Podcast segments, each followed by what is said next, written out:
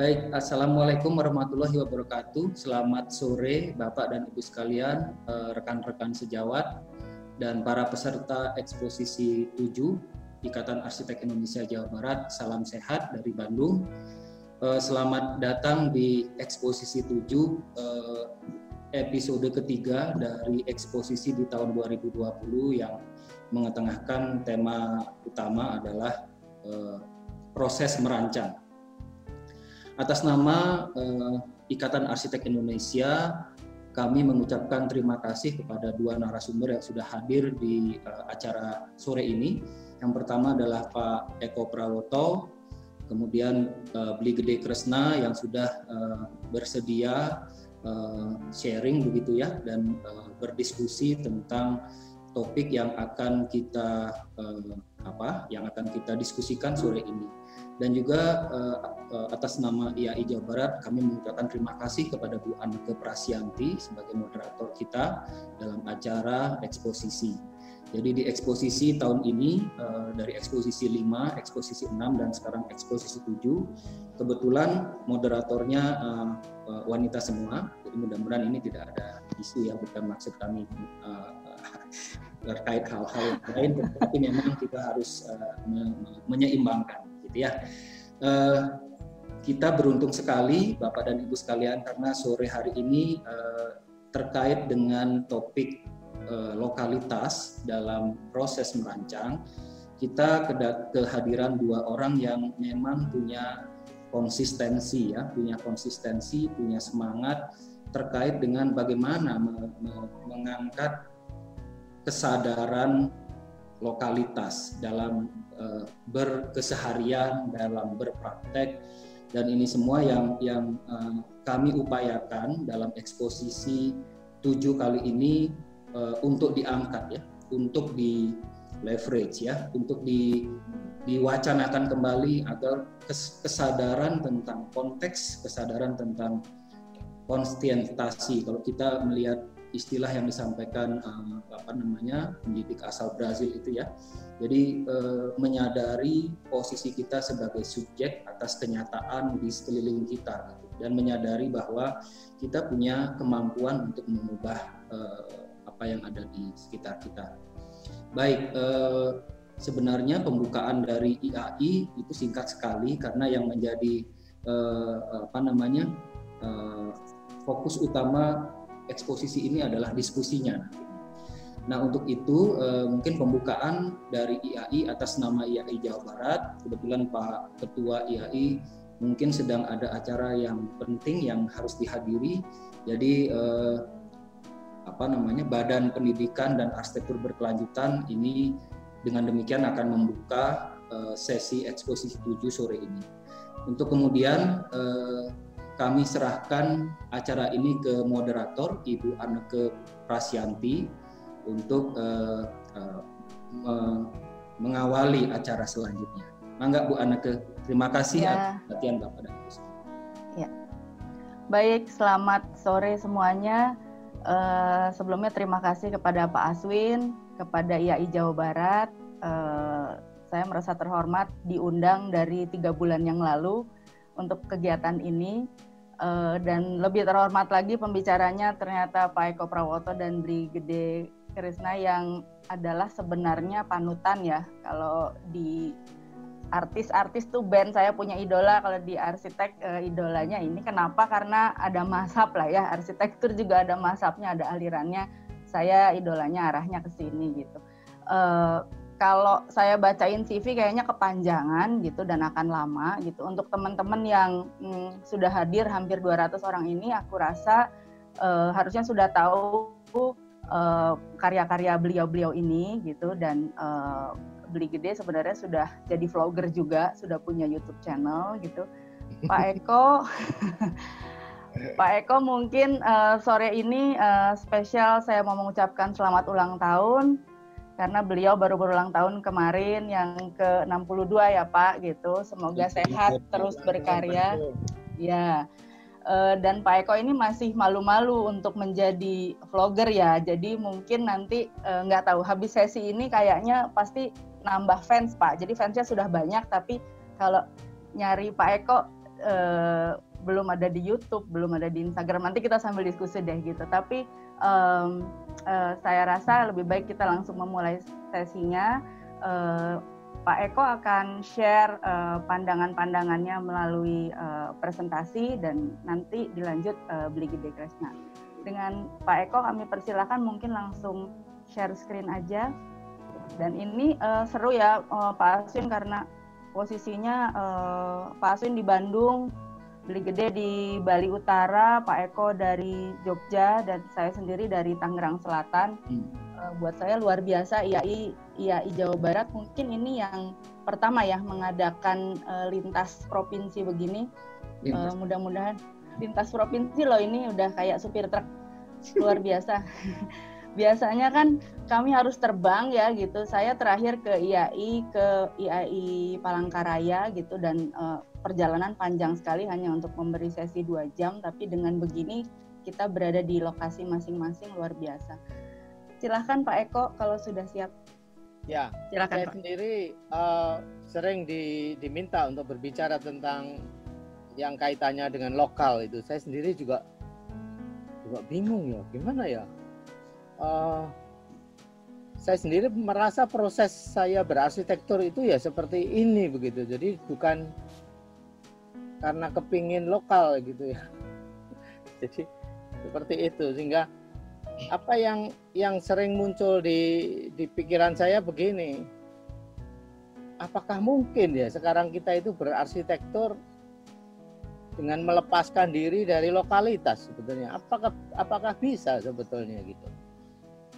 karena orang cenderung melihat lokalitas itu sebagai gaya atau langgam yang dipilih sebetulnya begitu. Sementara saya kok rasanya ya begini saja begitu. Seperti itu bukan intentionally jadi lokal begitu, tapi karena perspektif yang saya pakai yang diyakini dalam berarsitektur ini seperti ini. Gitu. Um, Coba kita lihat uh, kehidupan kita sekarang ya. Ini sedikit refleksi saja. Yang pertama kompetisi semakin terbuka. Jadi isinya ada persaingan, persaingan, persaingan sehingga arsitektur pun dalam konteks persaingan juga dilihat sebagai pilihan-pilihan tawaran saja seperti itu. Kemudian yang sekarang uh, saya melihat urbanisasi ini tahap lanjut. Kalau dulu urbanisasi ini sebagai orang desa yang ke kota mencari pekerjaan seperti itu. Sementara urbanisasi tahap lanjut adalah nilai-nilai kekotaan yang masuk ke desa. Ini lebih intens. Pola pikir desa ini sangat eh, sangat berubah karena arus informasi yang asimetris gitu. Jadi yang desa yang tadinya tertutup dan relatif homogen tiba-tiba mendapat pengaruh yang sangat bervariasi dari luar. Dan ini yang terjadi keseimbangan yang sangat uh, asimetris. Kita lihat media dengan mudah kita tidak mencari saja di, dikirimi banyak informasi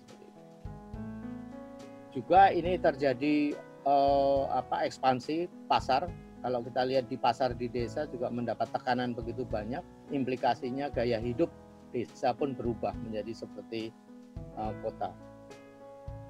Dan cara pandang itu kemudian berubah bahwa semuanya menjadi dinilai sebatas materi saja.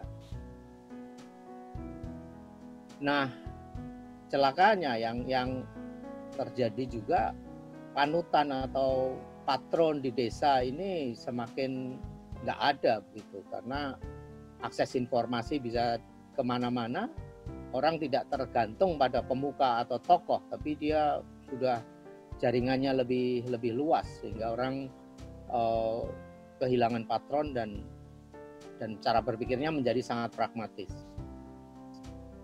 Yang terjadi kemudian amnesia budaya. Kita seperti tidak tahu lagi akar kita di mana karena akar biologis itu mungkin masih bisa di, dilihat, akar sosial sebagian, tapi kemudian akar pemikiran intelektual itu kita tidak tidak bisa diidentifikasi lagi. Dan yang terjadi lagi di bidang kita, bidang arsitektur itu terjadi keterputusan ini. Misalnya keterampilan ketukangan gitu juga kita tidak tidak lagi mudah mencari eh, tukang-tukang yang ahli di bidang tertentu. Nah, yang ini potret dari situasi modern kita adalah masyarakat sangat terfragmentasi, kita sangat terobsesi dengan uh, speed, high speed, sehingga semuanya menjadi sangat instan dan superficial dan dan seterusnya. Kalau kita berarsitektur, saya kira ya ini salah satu patokannya dalam situasi apa konteks sosial ekonomi, politik kebudayaan yang tidak jelas begini dan arus informasi yang begini, ya kita berarsitektur itu sebagai pilihan politik saya pikir begitu. Tentu bukan politik kekuasaan, tapi politik kebudayaan, politik hati nurani.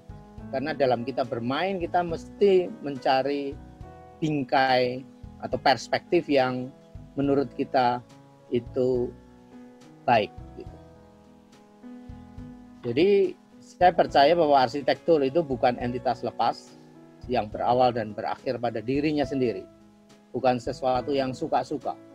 Kita tidak sedang bermain di ranah yang bebas, tapi yang tadi disebut sebagai konteks. Juga arsitektur bukan sekedar sederet pilihan menu stylistik. Hari ini Mediterania, Mediterranean, besok minimalis, besok lagi country, besok lagi apalagi seperti itu dalam ruang kosong. Jadi seolah-olah hanya bentuk-bentuk-bentuk saja. Saya kira arsitektur bukan itu. Nah, mesti kembali ke diri kita sendiri sebetulnya. Kalau kita sebagai arsitek, kita bekerja sebagai arsitek, kemudian kita hidup sebagai arsitek, sebetulnya apa sih yang kita cari? What we are fighting for? Sekedar dapat pekerjaan dan kita bisa hidup atau sebetulnya lebih dari itulah misalnya. Kalau sekedar hidup rasanya pesimis sekali ya. Nah, dalam kesadaran atau perspektif itu saya kira we have to take side If you are not part of the solution, then you are part of the problem. Karena kita tidak hadir di ruang hampa, kita bukan dalam lingkungan yang tidak punya masalah, eh, dan dalam peran kita, kita harus bermain di di sela-sela itu. Nah, kalau konteks, uh, saya sendiri bersyukur dengan pandemi uh, eh, COVID-19 ini di satu sisi, karena uh, ini suara dari semesta. Bagaimana bumi ini memperingatkan kecenderungan-kecenderungan buruk dari uh, budaya modern industrial ini, kemudian uh, semacam menyampaikan pesan yang menurut saya sakral dari pandemi ini. Untuk kita ingat, kita kembali sadar bahwa alam ini adalah uh, apa ya rumah rumah kita begitu, rumah kita bersama. Nah, ini kesempatan kita untuk sedikit menengok sebetulnya untuk melihat ke, ke belakang tentang uh, akar budaya kita. Dan ini sebuah kelumrahan menurut saya karena kita sebagian dari kita yang uh, orang modern ini sudah sedikit banyak terlepas dari akar budaya kita. Sehingga kita mungkin memang harus mencari referensi. Bukan dalam pandangan romantik kemudian kita me, memoles-moles apa yang menjadi apa artefak atau penang, pening, uh, budaya kita dalam artian politik identitas, tapi ini sebetulnya sebuah keniscayaan untuk kita menemukan kembali cara-cara bertindak dan berpikir untuk mengenal lagi bahwa uh, alam ini sebetulnya seperti apa. Dan saya me, menyadari bahwa kita ini sebetulnya juga makhluk lokal jadi arsitekturnya juga harus lokal ini. Lokal bumi maksudnya bukan bukan yang tempat yang lain. Dan kita harus balik untuk mengenal alam itu sebagai ibu bukan alam sebagai apa eh, komoditi atau sumber daya bagi industri begitu yang menyediakan kebutuhan-kebutuhan kita. Tidak tapi alam itu yang membentuk kita juga kita sangat bergantung dari itu nah dalam benturan pandangan yang satunya sangat katakanlah sangat kapitalistik konsumeristik begitu dengan kesadaran e, menjajah memperkosa, menekan bumi, apakah kita bisa menghindar dari kecenderungan itu? Dan ini tentu dibutuhkan kesadaran yang berbeda untuk kita berpikir alternatif. Melawan secara frontal saya kira tidak bisa, tapi ya cari celah-celah kecil untuk kita ber, berpikir yang berbeda. Mungkin masih ada harapan. Kalau kita lihat dari kehidupan sesehari yang di, di desa, menurut saya sangat inspiratif ketika manusia dalam apa kesederhanaannya justru kita bisa melihat banyak banyak hal yang penting saya kira. Salah satunya menjagai eh, daya hidup dan dan akal sehat kita gitu. Jadi kita tidak terpengaruh oleh uh, idiom-idiom yang yang di, dibentuk oleh media atau dibentuk secara eksternal dari budaya kita, tapi bagaimana kita melihat kehidupan itu dengan dengan utuh dan dengan kesadaran dan uh, apa ya ya antara hati nurani tapi juga akal sehat gitu. ini di desa di desa kita banyak kita melihat bagaimana orang tidak menyerah dengan dengan keadaan kita bisa mem, berbuat sesuatu dengan tidak kehilangan esensinya karena menjemur itu di tempat yang e, mencuci dan menjemur. Sekaligus dia mencuci di situ menjemurnya di dekat situ yang dengan matahari yang melimpah seperti itu sesuatu yang yang logis. Kita tidak bisa melihat itu sebagai wah jorok tidak pantas. Itu sebuah ekspresi uh, kejernihan, kejujuran dan mungkin juga kecerdasan di situ. Juga kemampuan-kemampuan untuk membuat, tidak membeli. Kita kadang-kadang kehilangan kemampuan untuk membuat sekarang ini. Juga untuk apa? Uh, ya ini daya daya ini ilustrasi untuk menunjukkan betapa ini daya kreatif sebetulnya energi hidup yang seperti ini motor ini masih berjalan dengan baik. Mungkin suratnya nggak lengkap, oh desainnya jelek dan dengan tali-tali dan gitu. Tapi ini masih berfungsi baik dan dipakai oleh penghuninya dengan penuh penuh cinta juga. Atau solusi-solusi kecil seperti ini yang akrab dengan kehidupan. Tidak over design. Kalau uh, saya ingin mengajak sedikit melihat tentang ini keragaman budaya. Ini sama ya, orang menggambarkan tentang harimau, tentang macan, versi wayang, uh, versi topeng, versi yang yang lain seperti itu. Objeknya sama, tapi dengan nuansa dengan ini. Dan ini yang yang menjadi kekayaan Indonesia sebetulnya betapa mengatakan hal yang kurang lebihnya sama tapi dengan cara yang sangat berbeda. Kenapa itu terjadi? karena menurut saya ada ada konteks, ada lingkungan yang berbeda, ada yang saya menyebutnya sebagai nilai rasa.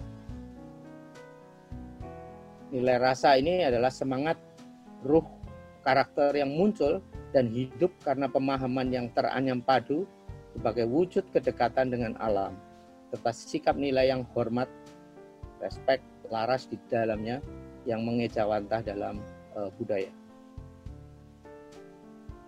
Kalau dirumuskan secara matematis, saya membuat rekaan seperti ini. Jadi ada bahan dan teknik. Bahan yang kita pakai itu kadang-kadang di tempat lain juga dipakai. Tekniknya juga dipakai juga di tempat lain karena alatnya sama. Tapi di sini ada variabel lain yaitu nilai budaya, nilai rasa yang itu yang membuat budayanya berbeda. Jadi sekalipun bahannya sama, tekniknya sama, tapi kalau kita punya perspektif dan cara berpikir atau nilai rasa yang berbeda, mungkin ekspresinya budaya berbeda dengan tidak semata-mata karena ingin berbeda, tapi lebih lebih genuine atau lebih otentik lah gitu muncul dari diri kita sendiri, bukan dalam kaitan ego, tapi ya itu karena totalitas uh, uh, pemikiran-pemikiran dan aspeknya yang membuat budaya itu memang berbeda tapi bukan sekedar pengen berbeda. Nah, saya pikir kalau kita bisa menemukan itu, nilai rasa sebagai benih dari budaya lokal itu, bukan bentuknya sekali lagi, bukan bahan atau teknologi, tapi nilai rasanya akan mengejawantah dalam perwujudan budaya, bentuk yang ekspresinya bisa berubah, bisa bergeser, bisa bervariasi, namun sebetulnya ruh atau benih atau nilai rasanya akan sama. Ini ini yang yang mungkin kita bisa bisa pikirkan begitu sehingga kita tidak tidak hidup dalam apa ya pemahaman yang ketakutan terhadap pengaruh dari luar atau kita terlalu obsesif untuk mencari yang namanya identitas sehingga oh, malah yang muncul mungkin kepura-puraan gitu ya. Nah kaitannya dengan desain mungkin ya hanya sekedar bagaimana menggarisbawahi apa yang sudah ada, membuat agar yang unik itu menjadi lebih terlihat. Bukan kemudian pertama-tama kita berupaya meng mengembangkan gagasan dan ingin menambah dan merubah banyak hal. Mulai aja dari apa yang ada. Nah, masalahnya apakah kita cukup jeli untuk melihat informasi-informasi yang harus dikumpulkan di dalam satu lokasi, dalam satu site, tidak ada site yang kosong. Site itu sangat tua karena itu sangat sakral dan keberadaannya sudah ribuan atau jutaan tahun itu dan site itu akan tetap ada. Arsitektur datang dan pergi. Tidak ada arsitektur yang yang akan menetap di situ selama-lamanya, tidak ada. Arsitektur hanya tamu sesaat. Bisa 10 tahun, bisa 100 tahun, bisa 1000 tahun, tapi tidak akan lebih tua dari bumi itu sendiri. Nah, ini penting aspek-aspeknya ada beberapa, mungkin saya akan jalan cepat mendengarkan kehendak kehendak site apa yang tetap dan apa yang boleh berubah dan desain sebetulnya hanya minimum intervention kalau kalau kalau boleh diusulkan.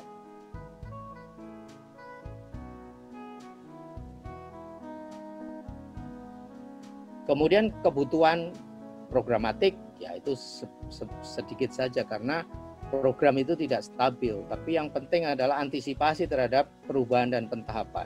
Sehingga karya arsitektur itu tidak selalu fix tapi akan hidup akan bergeser berubah berganti ya seperti penghuninya begitu.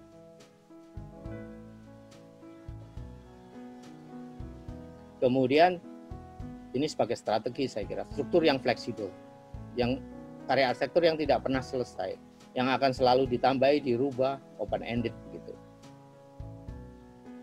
kemudian material Nah, material juga ada hierarkinya. Ini pengenalan pada bahan. Material sebagai struktur utama itu hierarkinya yang lebih tinggi. Kalau pengisi mungkin itu bisa lebih yang lebih di bawahnya katakan, yang lebih tidak kuat, yang lebih eh, eh, apa tidak awet atau semacam itu. Kemudian kita memikirkan tentang detail dan artikulasinya.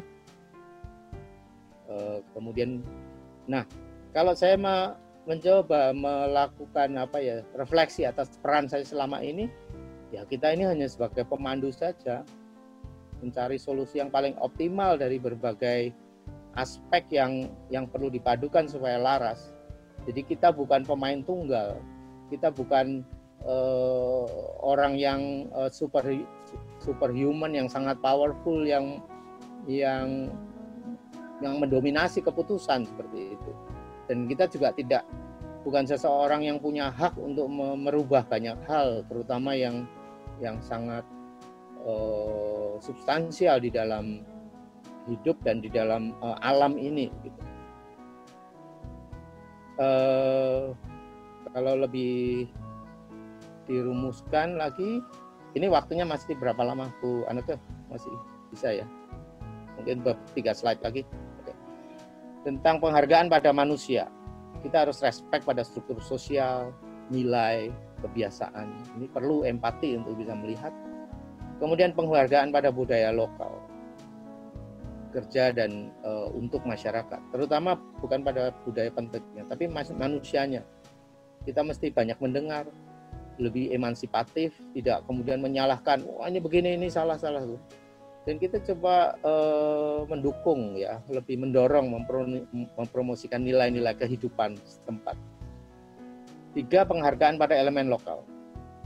Bahan salah satunya keterampilan ketukangan cara bertukang iklim juga kondisi alam karakteristik site dan seterusnya. Jangan punya pretensi untuk menyalahkan dan dan merubah terlalu banyak menurut saya. Saya merasa arsitek terlalu sombong kalau ingin ingin mengganti semuanya seperti itu.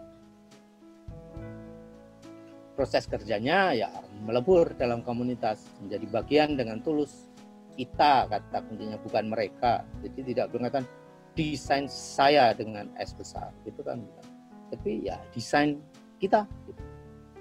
kita juga harus berpikiran positif terbuka ada relasi timbal balik penting untuk membangun kepercayaan kemudian yang penting lagi adalah mencari kesamaan bukan perbedaan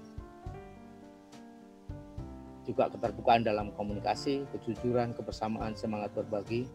Dan ini penting adalah merasa setara, ya. mengupayakan kesetaraan dan pikirannya yang emansipatif. Jangan merasa kita ini paling benar dan paling tahu semuanya. Proses peran desain, saya kira desain tidak lebih sebagai alat bantu untuk menghimpun uh, gagasan yang uh, lebih berdaya guna bagi uh, komunitas. Karena itu juga akan mengundang siapa saja untuk terlibat gitu, tidak lagi-lagi bukan kita yang menentukan semuanya. Kita bisa mengakomodasi berbagai jenis keterampilan yang ada. Kita menyuarakan kepentingan dan kebutuhan bersama dan juga lebih untuk menambah, menggarisbawahi, menyempurnakan, mengartikulasikan potensi, bukan semata-mata menimpa gagasan dari luar dan kemudian membuat sekitarnya menjadi uh, jelek seketika karena kita membuat bangunan yang sangat bagus di situ misalnya. Dan penting untuk mengupayakan kita berbaur, menyatu dan sebetulnya bisa karya itu bisa berbicara dengan siapa saja secara uh, inklusif. Mungkin itu saya sendiri uh, percaya bahwa kita tidak sedang habis-habisan memperjuangkan uh, profesi kita dan juga arsitektur, tapi karena sebagai arsitek atau sebagai uh, karya arsitektur itu tidak lebih hanya alat saja. Jadi life is bigger than architecture. Don't limit yourself as an architect only. After all, we are also human being. Mungkin itu, ini pengantar atau provokasi awal gitu yang nanti mungkin Mantap. lebih banyak ngobrol. Ya, terima kasih. Ya. Matur nuwun Pak Eko luar biasa, sangat menggugah ya. Ini men mencerahkan dan menggugah biar partisipan yang partisipan jadi berapa tadi 197 ya. Tadi diceramahi sama Pak dosen biar men mengendapkan dulu, tidak biasa materinya. Oke, kita lanjutkan langsung berikutnya ke Beli Gede uh, Beli Gede uh, akan lebih interaktif karena banyak karyanya sudah dikerjakan langsung di rumahnya. Silahkan, Beli. Oke, jelas suaranya ya? Jelas, jelas Beli. Silahkan. Sebelumnya mungkin uh, saya harus minta maaf sebelumnya karena ini webinar atau uh, presentasi pertama saya lewat Zoom. Sebelumnya belum pernah melakukan ini sebenarnya. Jadi mungkin saya akan demam panggung atau gimana gimana tolong dimaklumi aja gitu kan. Ya. Saya juga sama mungkin dengan Pak Eko saya nggak tahu juga harus memulai dari mana ya. Tapi mungkin mulai dari ceritanya saja dulu. Cerita beberapa tahun yang lalu saat saya pertama kali pertama-tama datang ke Bali dari Jakarta ya. Saya ketemu dengan seseorang gede. Apa sih yang paling berharga di site ini? Gitu tanyanya. gitu saya mungkin menebak 10 jawaban tapi semuanya salah. Karena sesuatu yang paling berharga buat mereka itu ternyata sesuatu yang tidak pernah saya bayangkan sebelumnya. Nah, apa itu? Saya sudah jawab pantainya, saya sudah jawab lautnya, pohon kelapanya, semuanya saya jawab. Tapi buat dia, yang orang asing ini, hal yang paling berharga yang ada di situ adalah sinar mataharinya sesuatu yang tidak pernah kita hitung sama sekali. Sesuatu yang tidak pernah kita anggap sebagai nilai. Nah, jadi saat itu sama saya ingat dia bilang, kamu harus bisa melihat hal-hal yang tidak terlihat. Gede, kamu tahu nggak? Di negeri saya, sinar matahari dengan kualitas seperti ini hanya ada dua hari sepanjang tahun. Di sini melimpah. Jadi jangan pikir orang-orang Eropa ini datang ke Bali karena Bali itu begini, begini, begini, satu, dua, tiga, banyak sekali alasnya. Tapi cukup dengan sinar matahari ini saja orang Eropa sudah senang sekali tinggal di Bali. Jadi sejak saat itu saya menggunakan kacamata itu. karena bagaimana kita bisa menggunakan kacamata orang lain dan untuk itulah saya keberadaan saya di Bali ini sebenarnya membuat kacamata-kacamata baru. Sehingga nanti kacamata inilah yang akan saya pinjamkan kepada orang-orang terutama orang-orang di desa nah kalau biasanya orang-orang meminjamkan kacamata itu kan kalau misalnya uh, orang meminjamkan lah itu pasti akan memintanya kembali. Kacamata ini beda. Kacamata saya sekarang ini adalah kacamata yang akan saya pinjamkan untuk saya tidak minta kembali gitu biar itu digunakan untuk melihat oleh orang-orang desa gitu. Nah, apa sih yang uh, kemudian saya lihat gitu kan? Saya lihat hal-hal yang sederhana. Ini yang paling dekat aja. Ini minuman saya. Uh, minuman saya ini nira ya. Saya nggak mau menyebut tua karena ini memang nira yang masih manis ya. Um, apa sih nira gitu kan? Orang banyak resisten terhadap nira, tapi di sisi lain ini hal yang sangat penting gitu dengan kita tetap minum nira dari aren ini, kita akan memastikan bahwa petani-petani aren itu tetap punya pekerjaan. Dengan mereka tetap punya pekerjaan, mereka akan tetap menjaga pohon arennya. Dengan menjaga pohon arennya, dalam semesta ekologi, pohon aren itu tumbuh di tanah-tanah yang miring. Jadi tanah-tanah yang miring inilah yang e, dijaga oleh pohon aren. Kait mengkaitnya ke situ. Dan banyak sekali kait mengkait dan hubungan-hubungan antara apa yang kita konsumsi dengan arsitektur itu sendiri. Jadi di situ titik mulainya. Karena saya sekarang menggunakan pendekatan melihat hal-hal yang tidak nah, belum lagi kita melihat oh, apa sih jerih payahnya seorang pemanjat aren, terus apa kegelisahan yang mereka lakukan. Mungkin mereka punya masalah dengan keluarganya. Itu juga bagian dari apa yang kita lihat setelah kita uh, terjun langsung ke, ke lokusnya gitu kan.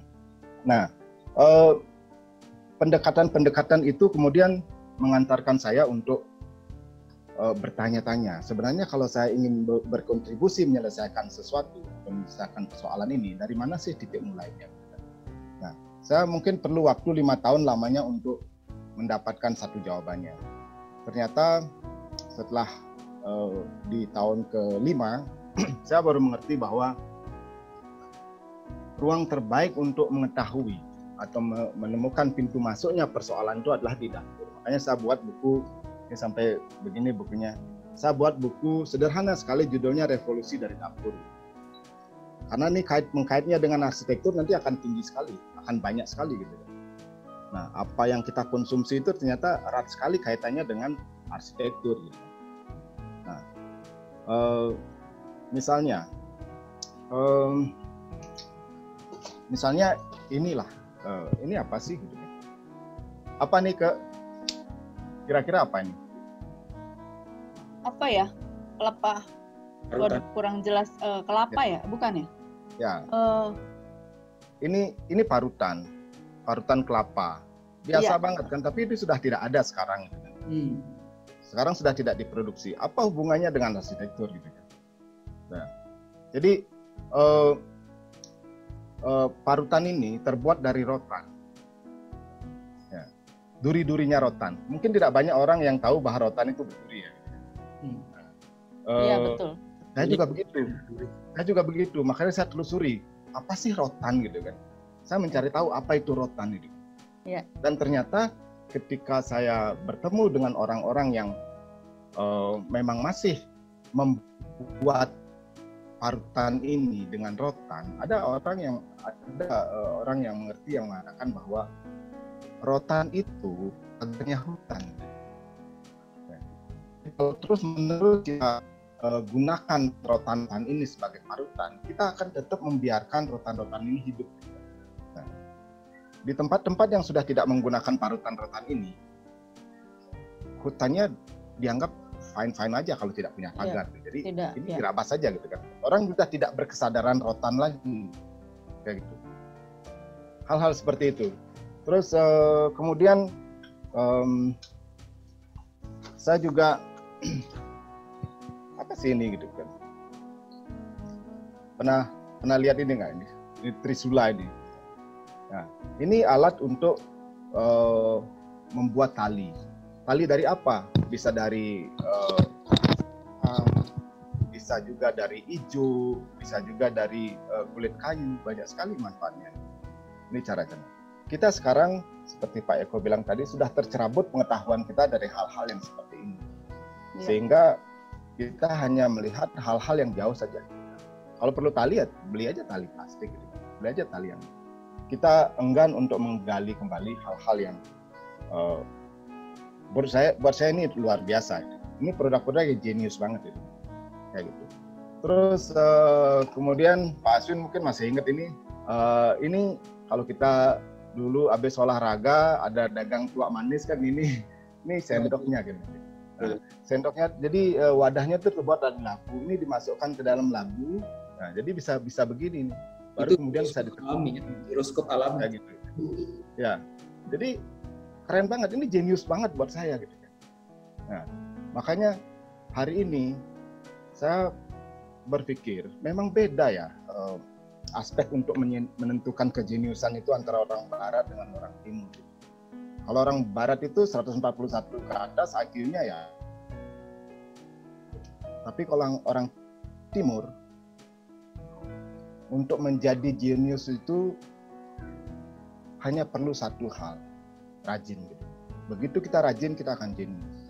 Nah, makanya uh, produk-produknya disebut produk-produk kerajinan, makanya orang-orangnya disebut pengrajin juga. Dan pada level tertentu, dia akan mencapai puncak pencapaiannya, dan itulah yang disebut jenius lokal itu, kejeniusan lokal. Nah, makanya hari ini saya ingin sekali sebenarnya bercerita tentang kejeniusan-kejeniusan lokal. Karena pada pada saat-saat awal saya datang ke desa, tinggal di desa, saya kok menjadi orang yang seperti tidak tahu apa-apa ya. Berbalik nih situasinya. Saya kok orang-orang desa tuh jenius banget ya. Nah buat saya ini jenius banget nih. Jenius banget gitu kan. Benda ini gitu kan. Ya, tidak hanya uh, artistik sebagai sebuah produk tapi juga ada fungsi-fungsi intangible yang kita tidak tahu nah ini saya diceritain oleh uh, orang tua juga seorang petani atau peternak seorang petani harus punya ternak. Ya.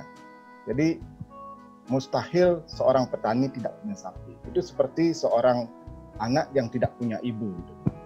Karena pertanian itu punya ibu, punya ayah, punya orang tua gitu kan. Nah, apa ibunya pertanian ya sapi gitu kan. Apa ayahnya pertanian ya bibit-bibit asli itu, galur murni itu. Nah, makanya mustahil seorang petani itu tidak punya sapi. Jadi kalau punya sapi akan ada beberapa persoalan dia eh, dengan sapi-sapi itu. Salah satu di antaranya adalah sapi itu kadang-kadang ada yang lahir begitu lahir itu tidak bisa berdiri anaknya. Nah, karena tidak bisa berdiri apa yang harus dilakukan? Orang desa, orang-orang di kampung itu masih mengenal eh, penawar-penawar. Jamu atau loloh itu kan bagian dari penawar juga, penawar rasa sakit juga. Nah, sapi-sapi yang lahirnya sab istilahnya atau tidak kuat untuk berdiri kakinya gemetaran itu itu tinggal dikasih minum aja dengan ini. Itu bisa jalan itu kan. Aneh kan itu kan. Kayak gitu. Jadi hal-hal seperti itu. Saya juga kemudian menemukan alat-alat seperti ini ya. Alat-alat seperti ini apa sih ini gitu kan nah, ini sebenarnya uh, uh, alat untuk memukul kayu untuk membuat kulit kayu ya. Tapi yang menarik adalah bahannya gitu kan. Di dalam pohon aren itu, terutama pohon aren yang sudah tidak produktif, itu ada bahan yang sangat kuat gitu kan. Namanya uyung. Ini hitam kuat banget. Gitu kan. Namanya uyung. Nah, jadi uyung ini pakai untuk macam-macam sekali, untuk uh, tenggale atau uh, pembajak sawahnya itu, Eh, terus kemudian untuk lampit, untuk kemudian untuk uh, uh, pati, pati itu uh, sticknya cangkul itu segala macam. Banyak sekali manfaatnya. Dan lain-lain dan lain-lain. Jadi dengan modal mengetahui uh, dengan modal cara melihat hal-hal yang tidak terlihat kemudian saya berpikir bahwa ya untuk mengetahui kita harus menceburkan diri makanya sejak lima tahun yang lalu semua proyek-proyeknya Rumah Intaran harus melalui riset. Kita harus di mana pun kita eh, punya proyek, eh, kita harus tinggal di sana. Tinggalnya itu jangan satu hari, jangan dua hari, jangan satu minggu, tapi tinggalnya itu harus tiga bulan. Makanya saya sebut ini sebagai slow architecture. Kalau istri saya slow food, saya slow architecture. Nah, apa yang kita lakukan selama tiga bulan? Um, selama tiga bulan kita merekam apa yang ada di sana gitu kan hal-hal yang sangat sederhana gitu kadang-kadang hanya berupa apa yang ada di lokasi ini ini salah satu pendokumentasian yang dilakukan oleh tim rumah intaran selama tiga bulan uh, di Jawa Barat ya di dalam satu site kita menemukan uh, banyak sekali. Ada lebih dari 300 macam uh, vegetasi yang bisa dimakan di situ. Banyak sekali. Ya. Terus kemudian uh, supaya uh, arsitektur itu tidak menjadi alien, kita juga belajar apa sih substansi-substansi uh, yang ada di uh, apa namanya di uh, tempat lokalnya gitu kan. Dan kebetulan saya diundang oleh IAI Jawa Barat. Jadi yang saya tampilkan proyek kita di Jawa Barat. Nah ini ini uh, sebelum coretan pertama ini yang kita bikin. Kita membuat etnografinya dulu. Etnografi uh, arsitektur, alat dapur, dan kuliner Jawa Barat gitu kan. Ini kita melakukan uh, riset di uh, tiga tempat, uh, yaitu yang masih kita anggap representatif untuk mewakili Jawa Barat ya. Uh, satu di Badui, kedua di Kampung Naga, ketiga di Ciptagelar. Kita juga melihtinkan anak-anak kita di sini. Jadi uh, baru dapat itu uh, apa sih substansi-substansi dan persoalan-persoalan di situ dan apa sih potensi-potensi yang bisa kita bawa ke tempat kita hal-hal seperti itu jadi um, akhirnya gagasan-gagasan ini berusaha kita tularkan juga kepada anak-anak saya uh, sering sekali diundang oleh mahasiswa mahasiswa-mahasiswa yang akan mengadakan TKI MAI kenapa uh, saya uh, senang diundang oleh mereka? Karena mereka memungkinkan uh, bagi kita untuk mendampingi secara intens selama satu minggu gitu kan. Dan ini salah satunya. Uh, waktu saya mendampingi mahasiswa uh, TKIMAI di uh, mana? Di uh, Sulawesi Tengah dalam waktu satu minggu mereka bisa membuat uh, pendokumentasian begini ya pendokumentasian tentang satu desa itu aja apa sih yang ada di desa itu nah apa sih yang uh, Eh, persoalan-persoalan masyarakat di situ. Perbaikan-perbaikan apa sih yang secara minimum bisa kita lakukan?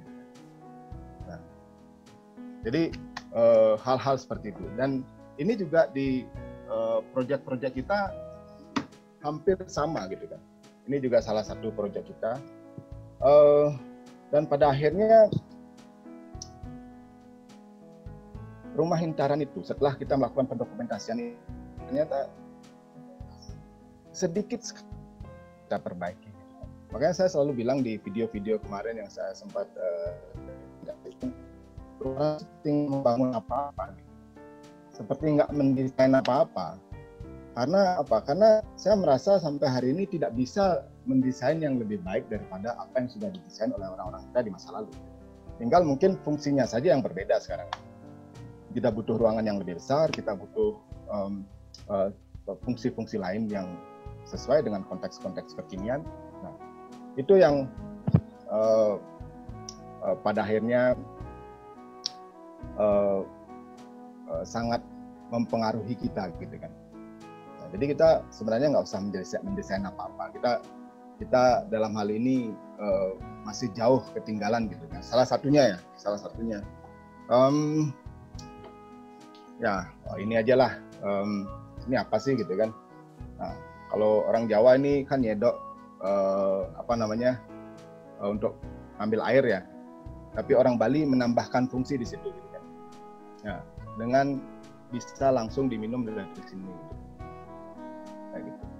Nah, jadi artinya mereka tahu sekali dengan karakter bambu.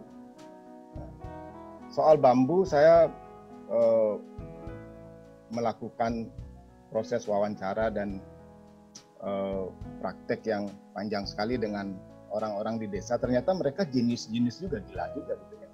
Nah, salah satunya hari ini kalau kita tanya bagaimana sih cara mengawetkan bambu, ya banyak sekali yang menyarankan untuk menggunakan uh, chemical. Gitu. Nah, padahal uh, orang-orang tradisional tidak seperti itu. Orang tradisional hanya uh, menyarankan kita untuk menebang dengan benar gitu kan. Karena kalau kita potong bambunya dengan benar, itu sudah pasti awet. Nah, pertanyaannya, bagaimana sih cara menebang dengan benar? Bagaimana sih memotong dengan benar? Kayak gitu kan. Ya. Pertama, uh, kita lihat dulu. Eh, waktunya masih ada kan? Satu menit. masih ada. Oke, okay. uh, pertama, uh, oke, okay. pertama uh, uh, orang di desa tuh paham mana bambu yang sudah siap ditebang atau mana yang belum siap ditebang. Kalau bambu itu uh, masih kelopaknya tuh masih utuh, artinya tuh belum siap untuk ditebang. Ya. Terus kemudian kalau bambu sudah berbunga, itu artinya sudah terlalu tua untuk ditebang. Ya. Kita harus uh, menebang yang di antaranya itu. gitu. Terus kemudian menebang bambu atau memotong bambu pun tidak boleh langsung ditarik. Harus dibiarkan berdiri. Kenapa? Alasannya sangat logis. Ya karena e, kapilernya bambu itu tinggi sekali, jadi dia menyerap air sampai ke atas gitu kan. Nah, terus kemudian pada saat kita potong, kita akan memastikan air-air yang ada di dalam batang bambu itu turun. Bersamaan dengan turunnya air itu, kadar glukosanya juga akan turun. Yang dicari bubuk adalah glukosa itu sebenarnya. Jadi dengan cara pengawetan itu, bambu-bambu ini akan bertahan lama. Tidak usah dikasih chemical lagi, pasti akan bertahan lama. Pertanyaannya adalah berapa lama kita biarkan tetap berdiri? Orang tradisional tidak bicara tentang angka, tapi orang tradisional bicara tentang tanda. Ya. Tanda ketika satu daun dari bambu yang sudah kita potong ini jatuh itu adalah tanda bahwa kita bisa tarik uh, bambu itu. Kenapa? Karena itu tandanya sudah kering. Jadi kadar airnya sudah berkurang, kadar glukosanya sudah berkurang, kemungkinan untuk dicari oleh bubuk-bubuk bambu juga berkurang. Dan lain sebagainya dan lain sebagainya. Iya, pas. Mungkin itu dari saya. Iya, oke. Okay. Terima kasih Beli Gede uh, uh, luas sekali penjabarannya dan sebenarnya menarik itu kalau diulik satu-satu. Uh, baik kita akan segera mulai diskusi. Sebelumnya mungkin mengingatkan untuk partisipan bagi yang uh, mau bertanya, uh, tolong disebutkan mau bertanya kepada narasumber yang mana, uh, dituliskan di kolom chatnya. Nanti akan kami pilihkan pertanyaan uh, pertanyaannya ya untuk diajukan. Sambil mengumpulkan pertanyaan, mungkin ini pertanyaan nomor satu dulu nih dari saya. Uh, kepada Pak Eko dan Beli Gede, uh, menarik sekali um, wadah untuk bekerjanya, uh, menamakan kantor untuk bekerjanya bukan studio, bukan biro, bukan atelier, bukan uh, dengan nama pribadi gitu ya, tapi Pak Eko menyebutkan uh, workshop di belakangnya gitu. Kemudian uh, Beli Gede menyebutkan rumah gitu. Uh, apakah karena memang metode bekerjanya berbeda atau karena sangat berhubungan erat dengan tadi Beli Gede aktivitas di dapur uh, kerja keras, kebersamaan. Pak Eko juga mengulang-ulang ya kebersamaan kita gitu. Jadi apakah itu yang mendasari dibentuknya uh, tempat kerja, wadah kerja dengan nama yang tidak biasa? Monggo Pak Eko duluan mungkin. Ya terima kasih Bu Anega. Uh, saya kadang-kadang melihat satu bangunan itu kalau itu dinilai baik itu yang disebut-sebut dan mendapat kredit mendapat acknowledgement itu kok arsiteknya saja gitu ya. Padahal di lapangan itu yang kerja yang panas-panas ngangkuti batunya yang itu tuh banyak sekali orang gitu. Juga ide desain tidak sepenuhnya muncul dari arsitek. Maksudnya solusinya ya klien andil banyak, alamnya banyak, tapi juga tukang-tukang itu dengan pengalamannya dia kadang mengusulkan itu gitu. Nah saya pengen membuat suasana kerja yang mungkin sedikit lebih emansipatif atau lebih demokratis begitu ya yang karena uh, jadi ini seperti sebuah workshop menurut saya yang yang ya yang semangat kebersamaan itu yang bisa mewarnai apa pencapaian-pencapaiannya. Semua saling belajar saling mengkaji sesuatu dan dan berlatih bersama-sama uh, dan mencari bersama-sama. Bukan kadang-kadang memang diperlukan inovasi-inovasi. Nah itu hasil pemikiran bersama gitu. ya kira-kira begitu Bu. Bu Aneka baik. Oke makasih Pak Eko. Beli gede mungkin langsung dilanjut kenapa uh, wadah bekerjanya kalau saya ada dua alasan rumah. ya ya Sebenarnya saya ada dua alasan. Satu alasan-alasan ideologisnya, kedua alasan-alasan romantisnya. Gitu. Tapi di sini mungkin saya tidak bicara alasan ideologisnya, cukup ide alasan romantisnya saja. Gitu. Jadi orang zaman dulu menamai apa pun suatu tempat itu berdasarkan vegetasi yang ada di dekat di situ gitu kan. Kita ada e, bintaro, pasti banyak pohon bintaro. Kemang pasti ada iya. banyak pohon kemang. Gitu. Sekarang Menteng, udah nggak ada. pohon bintaro susah. Ada, gitu dan banyak yang nggak tahu Jadi, bintaro itu pohon. Saya, ya, ya. Um, uh, di rumah saya di tempat ini banyak sekali pohon intaran. Ya udah saya namain rumah intaran gitu. Ya. Terus kenapa rumah intaran? Karena pohon rumah uh, intaran ini kalau bahasa Inggrisnya tuh nim. Kalau orang uh, meditasi, yoga segala macam uh, healing pasti tahu nim gitu kan. Nim oleh Romo Mangunwijaya atau nimba bahasa Indonesia-nya itu justru disarankan untuk ditanam oleh semua desainer, semua arsitek, semua planolog. Ini tulisannya di Kompas 16 April 1997. Ya, kenapa? Di situ juga Romo mengutip satu statement dari National Geographic, Nim is the most useful tree in the world. Jadi gila, pohon paling berguna di dunia itu ada di rumah saya gitu Nah, jadi hmm. itu kemudian saya namain uh, rumah hintaran. Baik. Uh, ini semoga jadi inspirasi bagi partisipan. Agak susah juga ya kalau uh, membawakan acara. Saya biasa bawain acara kan ada audiens ya. Pak Eko juga merasakan gitu bahwa energi energi audiens itu luar biasa. Saya bisa lihat mata, bisa lihat uh, ekspresi. Kalau gini tuh susah ya Pak Aswin. Uh, mau nggak mau karena pandemi. Uh, tetap layar berarti uh, kita menatap layar gitu mungkin milenial seneng kalau saya tuh um, energi saya terserap sama layar gitu tidak tidak saling timbal balik uh, anyway um, terima kasih beli penjelasannya uh, pertanyaan yang kedua ya ini sambil nunggu pertanyaannya partisipan uh, sangat menarik bahwa kita mengelola alam. Tadi Pak Eko menyebutkan uh, alam itu ibu ya yang menghasilkan, yang mengelola. Uh, Beli Gede juga menjelaskan hal yang serupa gitu. Uh, harusnya uh, alam itu menyediakan apa saja, kemudian ada keberagaman yang bisa dikelola.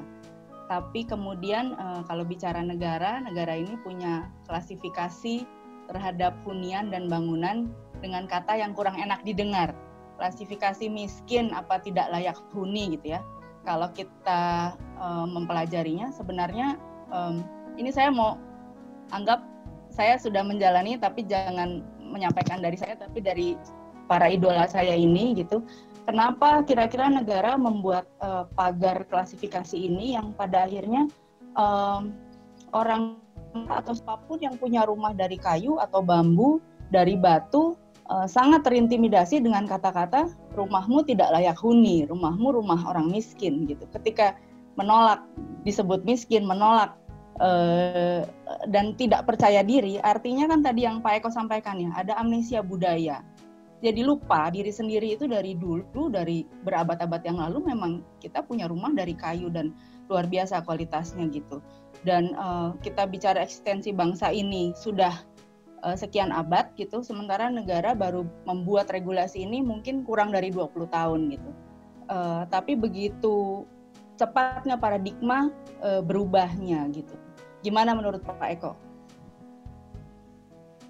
Ini soal pemahaman juga soal pemahaman yang esensi. Karena orang kadang-kadang hanya melihat secara uh, formalistik saja gitu loh yang yang tidak pada apa yang di, disentuh.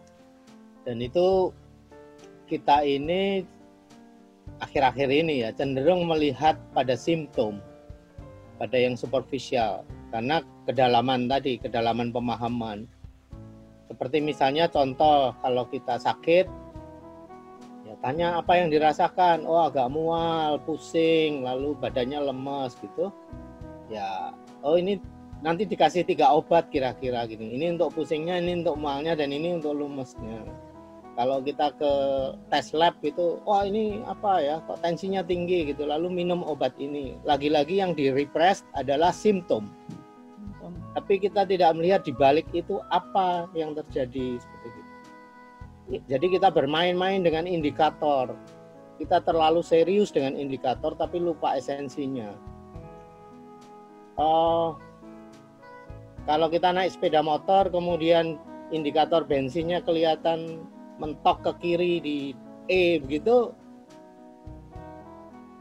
tapi kadang-kadang kita ah ini harus di diatasi supaya jarumnya tidak mentok ke E begitu tapi diselotip saja di situ sehingga tidak pernah menyentuh E begitu dan apakah itu berarti bensinnya full terus begitu? Iya. Nah kira-kira seperti itu yang yang terjadi. Kadang-kadang oh ini rumahnya tidak layak huni karena tidak berjendela. Nah saya bilang kalau ada semacam jendela ukuran 2 kali 2 mili dan jumlahnya 5000 dan di disebarkan di sekujur dindingnya, apakah ya. itu tidak bisa disebut sebagai jendela? Karena ya. fungsi ventilasinya tercapai. Tercapai. Bahwa cahaya juga tercapai, walaupun tidak ada yang bisa disebut sebagai jendela. Betul, betul. Ya. ya. Uh, itu kan kembali lagi ke paradigma ya Pak gitu. Kalau bicara jendela aja bukan dari bahasa Indonesia ya, kata serapan dari bahasa Portugis. Artinya sebelum ada kata jendela ada istilah lain di bahasa kita yang mungkin kita juga sekarang tidak familiar gitu. Yeah. Dan uh, mungkin dilanjutkan beli gede uh, dengan istilah-istilah yang menyakitkan, ya, mungkin menyakitkan, menyakitkan banyak orang. itu penting. Ya, betul, pilihan betul. kata itu penting ya. Jadi kita harus hati-hati memilih kata gitu. dan makanya kepada desa-desa yang saya konsultanin di sini termasuk di desa Bulian tempat saya bicara hari ini saya tidak mengatakan mereka desa yang tertinggal dan tidak boleh itu disampaikan. Nah, tapi mereka adalah desa yang terlambat untuk menguat, untuk mengetahui kualitas-kualitas terbaiknya. Beda sekali, sangat berbeda gitu. Karena apa? Betul. Karena apa yang kita sampaikan ini masuk dan hidup di dalam alam pikiran kita dan Betul. teraktivasi di situ. Ya. Makanya hati-hati. Penggunaan kata itu penting banget ya. Jadi um, jelas orang-orang yang dikategorikan miskin ini tidak miskin. Betul sekali, sebenarnya kalau demikian. sebenarnya gampang sekali. Ya. Karena kalau kita mengukur kekayaan, harusnya kan e, dari apa yang sangat mendasar yang kita butuhkan sehari-hari. Dan sampai hari ini saya berani bertaruh bahwa orang-orang di desa yang dikatakan tertinggal mungkin lebih kaya daripada orang di Jakarta. Kenapa? Betul. Karena parameter-parameter mendasarnya itu lebih baik gitu kan. Satu Betul. oksigen bersih, dua air yang lebih bersih, tiga makanan yang lebih sehat. Iya, ya. Hanya ketika ada program-program pemerintah seperti bedah rumah gitu misalnya, uh, saya agak menyayangkan kadang-kadang. Kenapa itu dihilangkan gitu kan? Uh, kayak misalnya uh, rumahnya gelap. Ada rumah-rumah tradisional di Bali yang memang orang Bali itu pintu rumahnya itu memang kecil-kecil, eh, jendelanya memang kecil-kecil gitu kan. Iya, iya. Nah, dan kenapa kecil-kecil ini kan by design, bukan datang begitu saja gitu kan. Iya. Nah, kenapa kecil-kecil? Supaya di siang hari kita tidak nyaman. Bahkan di Bali ketidaknyamanan pun by design. Ya, bayangkan aja. Kenapa ketidaknyamanan itu didesain? Supaya pada siang hari kita tidak tinggal di rumah, tapi pergi ke kebun. Karena tempat kita bekerja ada di luar sana. Ya. Itu rumah-rumah tradisional kita zaman ya. dulu. Iya. Ya. Ketidaknyamanannya uh, uh, by design. Betul, betul. Dan kenapa masih menggunakan baterai material tanah? Karena tanah itu uh, sangat bagus sebagai air insulation. Betul sekali. Di malam hari hangatnya masih kita dapat, di siang hari ademnya masih kita bisa dapat. Jadi bukan karena miskin ya, uh, bukan karena tidak punya. Nah, hal-hal seperti itu. Iya, uh, mungkin melanjutkan beli gede lebih banyak, uh, beli gede Pak Eko lebih banyak berinteraksi dengan masyarakat desa. Mungkin uh, tidak banyak arsitek Indonesia yang seberuntung uh, Pak Eko dan beli gede. Uh, untuk masyarakat Indonesia secara umum, ini kata-kata yang salah pilih atau salah sebutkan kadang orang bawa program atau datang langsung menyebutkan, wah kamu miskin nih rumahnya lantainya masih tanah gitu ya uh, metode apa yang terbaik. Karena orang Indonesia ini uh, terlalu guyup. Kadang saking guyupnya ini dengar tetangga dengar kiri kanan itu langsung terintimidasi. Uh, kalau kita punya punya uh, keyakinan di diri sendiri nggak apa-apa. Tapi kebanyakan saya bertemu orang-orang yang langsung terintimidasi langsung wah saya ganti deh dinding bambu saya pengen saya ganti langsung uh, hebel gitu. Atau misalnya uh, atap rumbia saya katanya ini miskin jadi langsung saya ganti seng karena terlihat lebih mahal gitu ya. Uh, bagaimana cara menyampaikan hal tercepat terbaik pada awam? Silakan Pak Eko mungkin duluan. Ya saya kira kita perlu uh, dua hal. Yang pertama ya kita perlu pengetahuan sebetulnya untuk melihat itu supaya lebih lebih balance gitu ya. Apakah aspek-aspek uh, yang dilihat itu sebetulnya apa sih? Apakah itu bisa kalau itu bisa menopang fungsinya dan kemudian memiliki apa keterkaitan dalam konteksnya? Tidak hanya persoalan estetik. Menurut saya ini ada aspek yang yang lebih utuh yang harus dilihat. Dan kemudian pemikiran yang lebih hati yang lebih emansipatif menurut saya. Jangan buru-buru me merasa kita itu yang paling tahu dan paling benar begitu mesti punya kerendahan hati untuk untuk belajar dulu dari mereka ya Betul. saya malah lebih banyak bertanya karena uh, asumsi saya sebenarnya sangat sederhana sesuatu yang sudah dilakukan berpuluh tahun atau beratus tahun pasti memiliki kebenaran tetap di situ. Betul sekali, ya. setuju. Ya, ya itu kira. Kalau ya, kita belum dari... melihat, nah mungkin hanya belum melihat gitu. Karena kita uh, kita terpukau dengan dengan sesuatu yang berkilau gitu, yang walaupun keberadaannya mungkin waktunya masih loh itu kan baru tiga bulan yang lalu, toh kita belum belum teruji dan belum, belum ter ya. apa gitu. Ya, tepat ya. sekali. Oke, dari beli gede uh, menyampaikan hal hal ya. supaya tidak terintimidasi ya, untuk awam khususnya. Sama dengan Pak Eko kurang lebih ya, tapi saya uh, dalam situasi seperti itu uh, selalu ingin masuk ke dalam alam pikiran mereka dulu gitu kan. masuk apa sih yang mereka bayangkan gitu kan. Nah terus kemudian baru memasukkan sesuatu memasukkan gagasan ke dalam alam pikirannya mereka berdasarkan pengalaman-pengalaman kita nah karena eh, hal-hal uh, seperti itu pada akhirnya sekarang mungkin agak mudah kita lakukan. Karena ini berkali-kali kita lakukan kepada masyarakat di desa-desa ya Eh, sama seperti misalnya saya bisa mungkin sekarang bisa masuk ke dalam alam pikirannya uh, anak ke dan mempengaruhi beberapa aspek fisikal punya anak ke gitu. Meskipun kita dari jarak yang sangat jauh gitu kan. Ini kan lagi-lagi soal apa pilihan kata yang uh, kita gunakan dan bagaimana energi yang kita deliver ke uh, orang lain kan gitu kan. Nah, saya melihat uh, ini sebenarnya ada di presentasinya Pak Eko tadi pengaruh kota sedemikian masifnya ke desa. Sementara orang yang menyampaikan gagasan-gagasan uh, kejeniusan lokal ini ke orang kota itu sedikit sekali gitu kan. Ini kan Betul. seperti uh, apa namanya perang wacana, ya. perang macam-macam nih. Tapi dengan armada yang sangat tidak seimbang. Betul, ya. Tidak seimbang. Makanya kita perlu menyeimbangkan dengan uh, memasukkan eh, wacana-wacana uh, seperti ini ke lebih banyak pikiran anak muda lagi. Ya, segitu beli. Oke, okay, ya. uh, melanjutkan itu tadi uh, benar kan uh, pengaruh kota sangat besar karena uh, ini ini obrolan santai teman saya banyak dan tidak semuanya arsitek beberapa uh, terutama yang di proyek kebanyakan insinyur sipil tentunya ya gitu. Dan pembicaraan ini bukan perdebatan tapi misalnya dengan rekan-rekan kerja itu um, kalau insinyur sipil kan memang perlu hal yang presisi.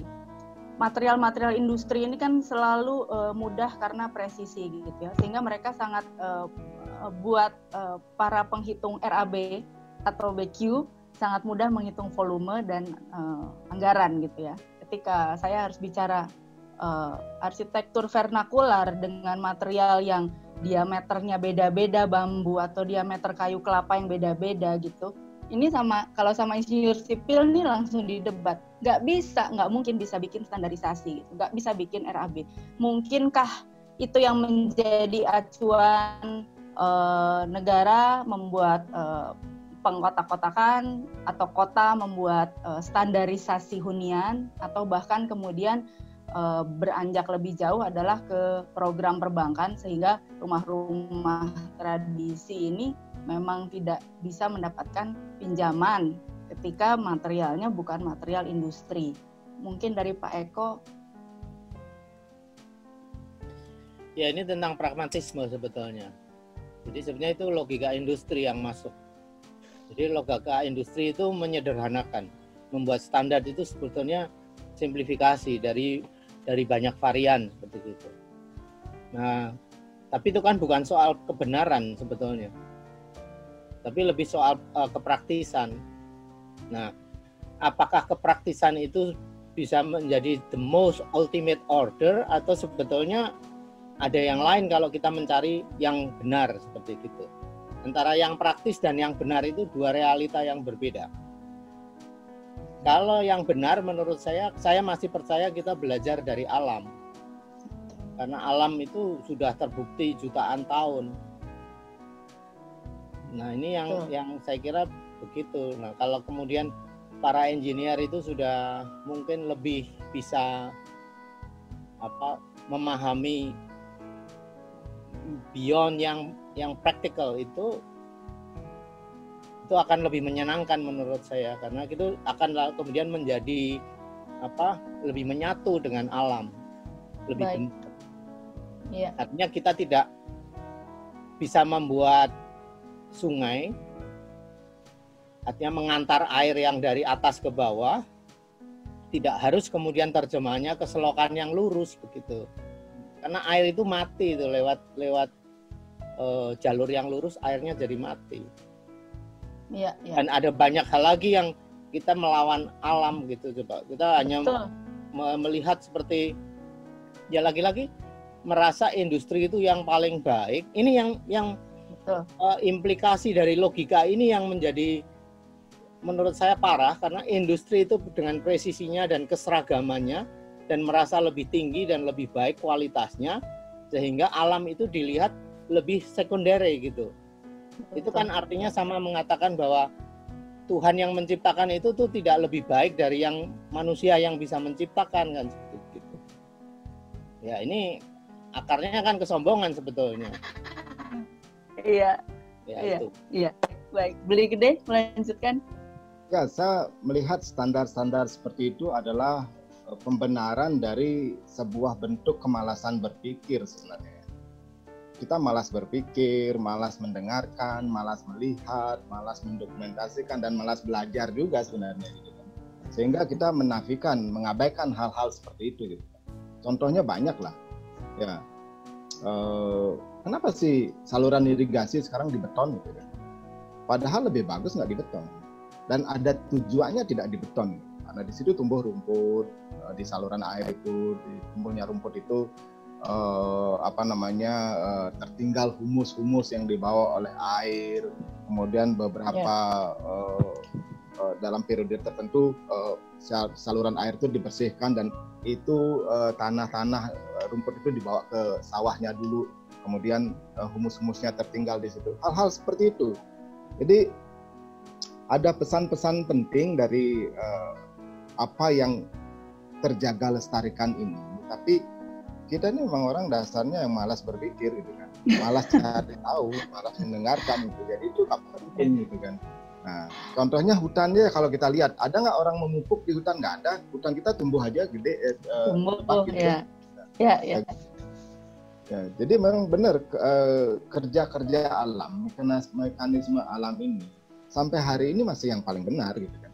Nah, karena belum ada teknologi, siapa yang bisa mengalahkan teknologinya hutan gitu kan. Betul. Betul, terima kasih Bli. Oke, melanjutkan ini uh, diskusinya semakin menarik. Pertanyaannya juga udah mulai banyak. Uh, saya masih bisa nanya satu lagi nih. Um, dari pengalaman Pak Eko um, merancang sekian banyak dan juga uh, lebih berbasis pada uh, potensi alam, juga beli kerusna seperti itu. Uh, kondisi uh, keadaan hari ini orang menggaungkan tren green building yang sebenarnya kriteria-kriterianya ini uh, dibuat dalam bahasa Inggris, tapi sebenarnya kalau mengacu pada bangunan tradisi Indonesia, semuanya sudah tercat, tercakup dalam uh, yang tadi kemampuan nenek moyang kita sebenarnya gitu. Sudah tahan gempa, sudah uh, ada passive ventilation, sudah tahan iklim, tahan hujan di Indonesia gitu. Tapi um, green building ini karena konsepnya dibawa dari luar uh, digunakan hanya di gedung-gedung yang notabene pakai bangunan industri eh, material industri kemudian ada sertifikasi gitu bahkan produk-produknya juga sekarang ada uh, sertifikasi green gitu Eh, kira-kira uh, ada pemikiran nggak dari Pak Eko atau beli gitu? Apakah memang uh, karena industri ada terus, industri akan ada terus dan itu akan tumbuh terus gitu. Yang ini harus di yang uh, existing budaya kita, habitat kita, arsitektur Indonesia asli memang harus dilestarikan. Artinya apakah ada upaya ke depan untuk um, menyetarakan pemahaman sebenarnya green ini udah ada kok di Indonesia ini nenek moyang kita dari dulu juga sudah berpikir green gitu, terutama yang tahan gempa ya gitu. Sekarang banyak sekali propaganda produk tahan gempa, which is sebenarnya tidak tahan gempa gitu, karena sebenarnya apa sih konsep gempa kan ikut bergoyang bersama uh, uh, tanah gitu ya. Uh, saya pengen menggali dari Pak Eko atau beli gede, kira-kira uh, gimana biar nggak timpang pemahaman masyarakat Indonesia bahkan arsitek-arsitek Indonesia gitu bahwa bangunan tradisi ini sebenarnya sudah masuk kategori green gitu. Hanya tidak pernah jadi materi uh, studi, tidak pernah jadi materi sertifikasi. Sekarang arsitek banyak berbondong-bondong mensertifikasikan dirinya green, tapi bukan untuk arsitektur vernakular, bukan untuk arsitektur tradisi. Monggo Pak Eko. Bu Aneke curang, itu pertanyaan dari saya sebenarnya Bu Aneke ya? Saya bisa membaca dirimu. terkait dengan ini sertifikasi green itu udah. Oh, berarti ya. Pak Aswin nanti tugasnya mengadakan bersama IAI Jawa Barat nanti ini, kayaknya arahnya ke sana. Monggo Pak Eko. ya kalau sertifikasi dan kemudian proses mencari kriteria green dan seterusnya itu kan juga proses sebetulnya. Itu betul, bentuk betul bentuk kesadaran orang modern yang punya guilty feeling dan kemudian ingin kembali ke jalan yang benar. Saya kira itu harusnya di, diberi kesempatan. Hanya kriterianya kan tidak belum lengkap karena itu masih masih apa dalam proses menurut saya dan itu bukan belum sampai kepada tingkat yang paling tinggi. Hmm. Saya sendiri merasa ketika green building itu mengklaim dirinya sebagai green itu berarti masih belum green karena dia masih terlalu uh, self-centered, masih tentang dirinya. Tapi the ultimate green menurut saya bukan secara isolasi seperti itu yang mengklaim dirinya green, tapi harus masuk kepada uh, grid semesta. Kalau dia bisa inline dengan semesta, then it must be green. Tapi kalau dia mengklaim bahwa oh dia green tapi masih berada dalam isolasi is not green yet. Yes, very deep statement. Ya. Oke, okay. beli gede. Ya, uh, waktu kecil kita sering sekali ditanya, ini pertanyaan sederhana sekali, jawabannya sulit sekali, tapi jawabannya sangat menarik. Apa bedanya burung gagak dengan ayam misalnya? Ya. Burung gagak tuh bahasa Balinya tuh goa. Ya. Kalau ayam tuh nggak ada uh, yang berbunyi ayam, ayam, ayam gitu nggak nggak begitu bunyi. Tapi burung gagak itu atau goa ini bunyinya tuh goa, goa, goa.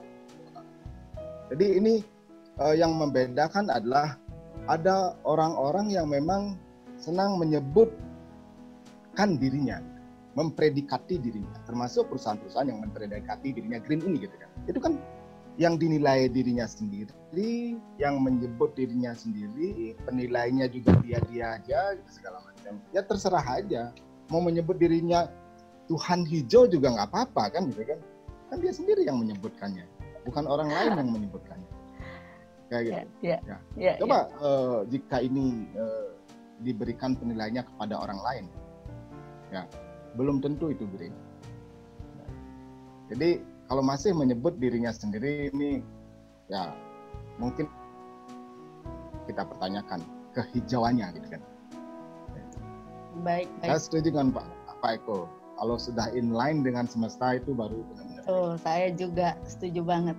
Oke, terima kasih para narasumber yang uh, sangat menginspirasi. Sekarang kita menginjak ke uh, partisipan ya. Mungkin pertanyaan pertama saya bacakan dari Pak Anggoro Pak Anggoro uh, mau bertanya kepada kedua-duanya uh, dalam suatu proses merancang apakah lokalitas itu lebih bermakna respon pada kondisi atau setting kekinian atau pada masa lampau yang dicoba dihadirkan di masa kekinian atas nama lokalitas.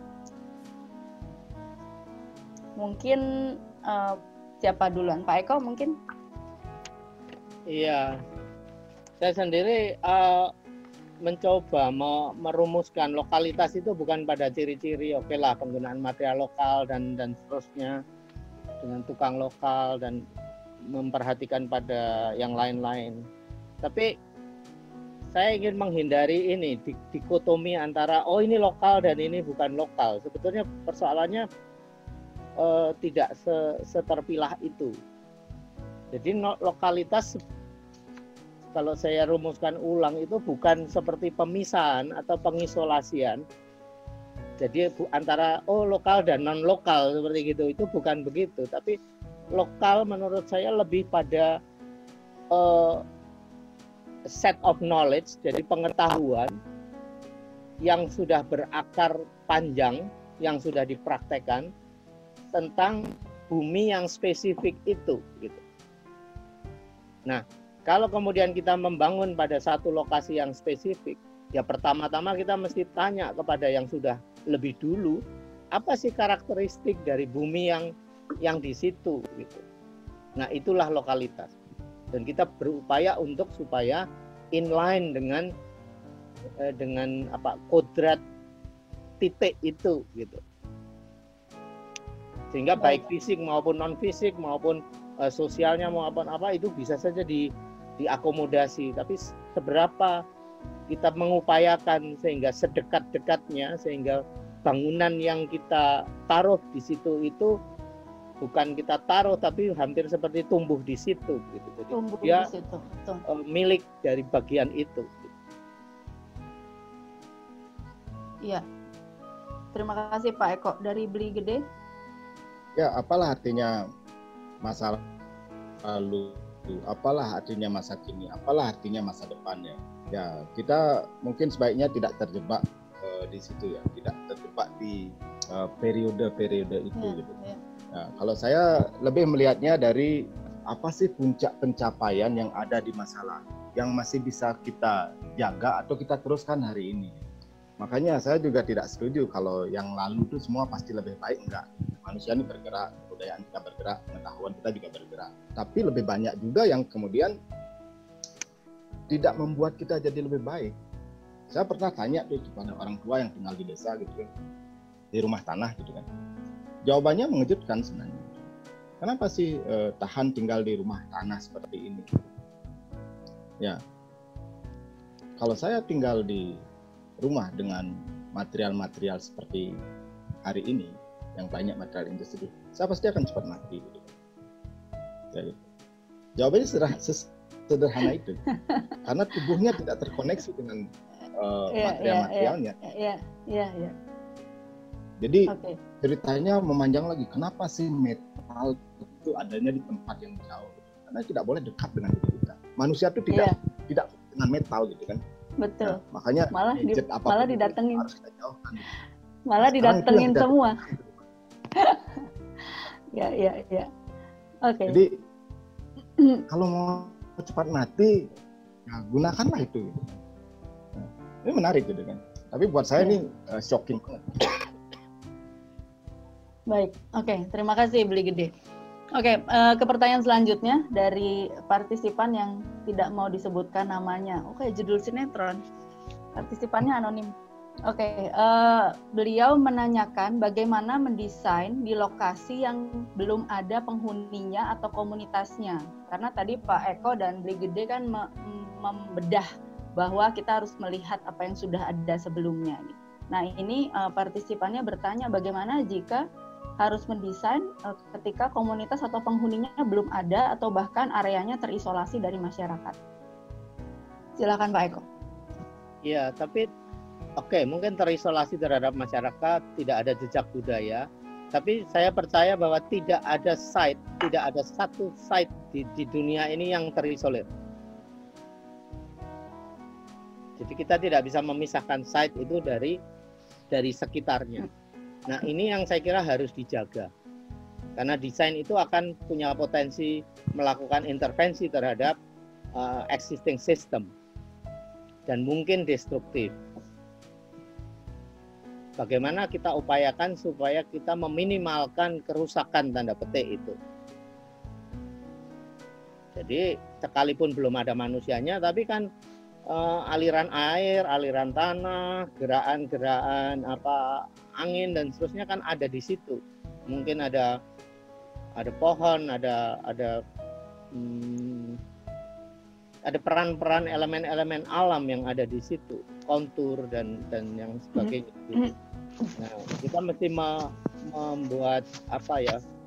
eh, kajian dulu sebetulnya semacam kajian begitu apa yang harus bertahan apa yang boleh kita rubah dan seberapa seperti itu nah sesudah itu mudah-mudahan kerusakan yang kita timbulkan bisa bisa minim dan hmm. juga bisa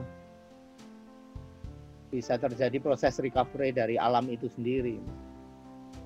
Iya, balik lagi ke pesan Pak Eko tadi ya, jeli ya uh, perlu perlu exercise juga sih Pak gitu. Jadi mungkin ini semoga menjawab. Jadi berlatihlah kejelian. Gimana caranya? Mungkin harus mondok dulu di tempatnya Pak Eko mempelajari ini kata kerja jeli ini susah-susah gampang. Oke, uh, ke beli gede selanjutnya ini gimana kalau saya tempatnya ya. teriso? Saya tidak tahu apa motivasi orang tinggal di daerah yang terisolir itu sendiri. Apa motivasinya? Mungkin kalau saya mungkin kalau mungkin ada klien mak, maksudnya mungkin ada klien ada penugasan dari klien misalnya minta didesainin villa gitu di ujung tebing mana gitu yang memang misalnya tidak ada masyarakat. Kalau saya itu aja saya masih belum mengerti juga dengan itu sebenarnya cuman uh, mungkin saya akan uh, pertanyakan lebih jauh motivasinya apa. Saya perlu diskusi dengan orang-orang seperti saya perlu sekali berdiskusi. ya. Oke, okay. segitu ya dari beli gede. Oke, okay, pertanyaan uh, selanjutnya dari Mbak Ari bertanya kepada beli gede langsung. Tadi menanggapi bahwa setiap proses uh, perlu riset tiga bulan di tempat uh, akan dikerjakan sesuatu itu. Pertanyaannya adalah bagaimana trade off dengan biayanya? Ya kita membebankan semua biayanya itu ke klien. Inilah bargaining position kita sekarang. Jadi sederhana sekali. Kalau klien tidak mau melakukan itu, artinya bukan klien kita. Ya. Sederhana sekali. Sederhana ya. Terus ya. pasti mau atau sering ditolak atau gimana beli? Kemungkinan besar mau. Kemungkinan besar mau. Oke. Okay. Ya. Jadi uh, mereka hanya... membiayai uh, semua riset ini selama tiga bulan itu bahkan uh, banyak yang di luar pulau juga kan, maksudnya di luar Bali. Ya, karena mungkin kata pengantarnya, kata pengantar ketika kita uh, uh, menyarankan klien untuk melakukan riset itu adalah betul betul. Riset kita ini sebenarnya sederhana sekali. Ada tiga. Satu memudahkan. Dua memurahkan. Tiga mencerahkan. Jadi kita menggaranti bahwa ketika riset ini dilakukan klien nanti akan mudah nyari apa apa murah terus kemudian tercerahkan dengan informasi-informasi yang sangat detail dan lokal yang kita temukan bahkan ini tidak pernah kita tulis di dalam eh, buku-buku uh, yang kita sebutkan uh, berikan ke klien, uh, tapi selalu kita sampaikan kepada klien. Bahkan siapa yang menjadi biang kerok di tempat itu pun kita kita tahu. Ini orang-orang yang bisa kita ajak bekerja sama, ini orang-orang yang tidak bisa kita ajak bekerja sama. Nah, artinya biaya riset seperti itu menjadi murah apa tidak? Sangat murah Sangat murah, iya. Luar biasa. Uh, berapa orang beli biasanya kalau untuk tim riset atau yang harus di live in kan di lokasi itu biasanya kadang-kadang tiga orang, kadang-kadang lima orang, ya, kadang-kadang dua orang juga. Bisa jadi contoh ya, bisa jadi benchmark untuk konsultan konsultan-konsultan lain. Oke. Okay. saya nggak berpikir begitu ya, cuman. Uh, uh, artinya sebuah poin bagus poin bagus uh, di sini sama-sama belajar bahwa uh, saya sepakat dengan arsitek ini setara dengan klien yang harus saling mengedukasi. Jadi bukan bukan selalu banyak orang menyebut kuli gitu ya dirinya kuli karena hanya cari uang gitu tapi sebenarnya nah, ini, harusnya ini juga penting banget ya uh, uh, satu hal yang mungkin bisa saya sampaikan juga kadang-kadang uh, klien menempatkan dirinya lebih tinggi daripada arsitek klien ya. merasa uh, sering kali demikian ya, dan A jadi ketika lihat televisi hmm. ketemu arsitek A ingin didesain oleh A ketika lihat majalah ingin di, uh, didesain oleh B ketika dapat rekomendasi ingin di, didesain oleh C segala macam mungkin ada lima enam uh, saya saya hanya ingin membangun bagaimana membangun uh, mekanisme penyetaraannya saja.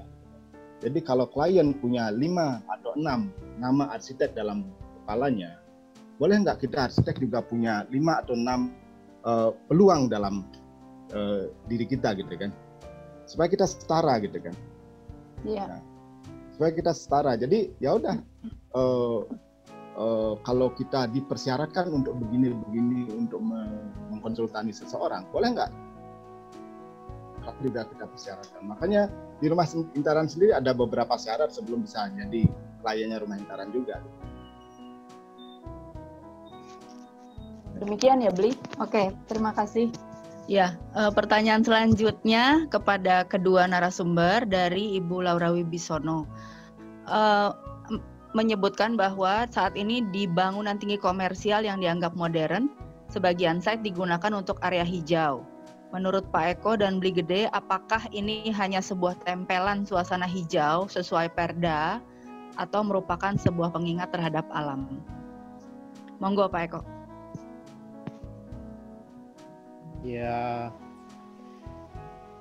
situasinya kan dalam situasi yang kepepet dan tidak ideal kadang-kadang kita tidak punya banyak pilihan tapi sesudah uh, mungkin pertanyaannya itu apakah dengan tempelan-tempelan green itu memadai atau tidak gitu. kalau itu itu cukup memadai ya mungkin nggak apa-apa gitu jadi uh, itu kan seperti struktur apa keadaan yang yang sakit kan sebetulnya tanda petik ya. Nah, supaya mengurangi sakitnya itu kadang-kadang orang memang tidak tidak tidak ingin mengobati secara penuh tetap biar sakit saja tapi nggak terasa sakit. Jadi itu kayak obat gosok sedikit lah itu kalau itu dia uh, dianggap sebagai oke okay lah saya pakai obat gosok saja sudah oke okay, gitu ya ya nggak apa-apa gitu tapi kalau dari lihat dari hijau sendiri kan tidak pernah ada di alam ini yang hijau yang terpisah dan bagaimana kita hanya ingin hijaunya saja tapi di situ tidak ada tidak ada cacing tidak ada serangga tidak ada yeah, apa yeah, seperti yeah, yeah, green yeah. begitu ya yeah, yeah. tapi tergantung hati orang tahu misalnya kita artinya sudah cukup puas dengan diberi ayam-ayam gitu ya monggo saja. ya ya. Oke. Baik, makasih Pak Eko. Beli gede. Ya, saya pikir dalam bahasa saya nih semua orang berhak menghibur dirinya ya, kan? Semua orang berhak menghibur diri. Jadi um, kecil-kecilnya, uh, ya. Ketika tim kesayangan kita kalah kan, oh kita tidak kalah nak, gitu kan. Tim kita hanya kebobolan lebih banyak. Ya udah sudahlah. Paling tidak anak kita terhibur gitu kan. Iya. Gitu. Jadi saya pikir semua orang berhak menghibur dirinya sendiri. Karena apa? Karena orang-orang yang bisa membeli uh, bangunan di tempat-tempat yang tinggi di HRS itu sebenarnya punya peluang untuk menjadi orang yang super kaya di desa atau di daerah-daerah yang lebih uh, jarang penduduknya. Tinggal di landed house segala macam. Ini hanya masalah pilihan aja, masalah pilihan dan mungkin masalah keberanian juga. Berani nggak menempuh itu? Tantangan ya tantangan buat mereka-mereka yang uh, mungkin uh, menginjak rumput atau tanah juga belum pernah itu banyak sekali ya di Indonesia. Oke, okay. uh, mudah-mudahan ada yang tertantang dari partisipan ini. Uh, pertanyaan selanjutnya dari Bapak Ivan Kurniawan Nasution kepada Pak Eko pertanyaannya, hmm, bagaimana uh, pengalaman ketika Bapak di Berlahe Institute uh, apakah itu uh, mempengaruhi cara berpikir Bapak? Uh, karena pandangan-pandangan di sana uh, beragam dan tentunya pasti berbeda dari yang ada di sini. Monggo Pak. Iya, ini saya saya sering ditanya itu, eh kamu di sekolah di Belanda apa yang kamu pelajari tentang Belanda? Kan nggak cocok belajar arsitektur juga.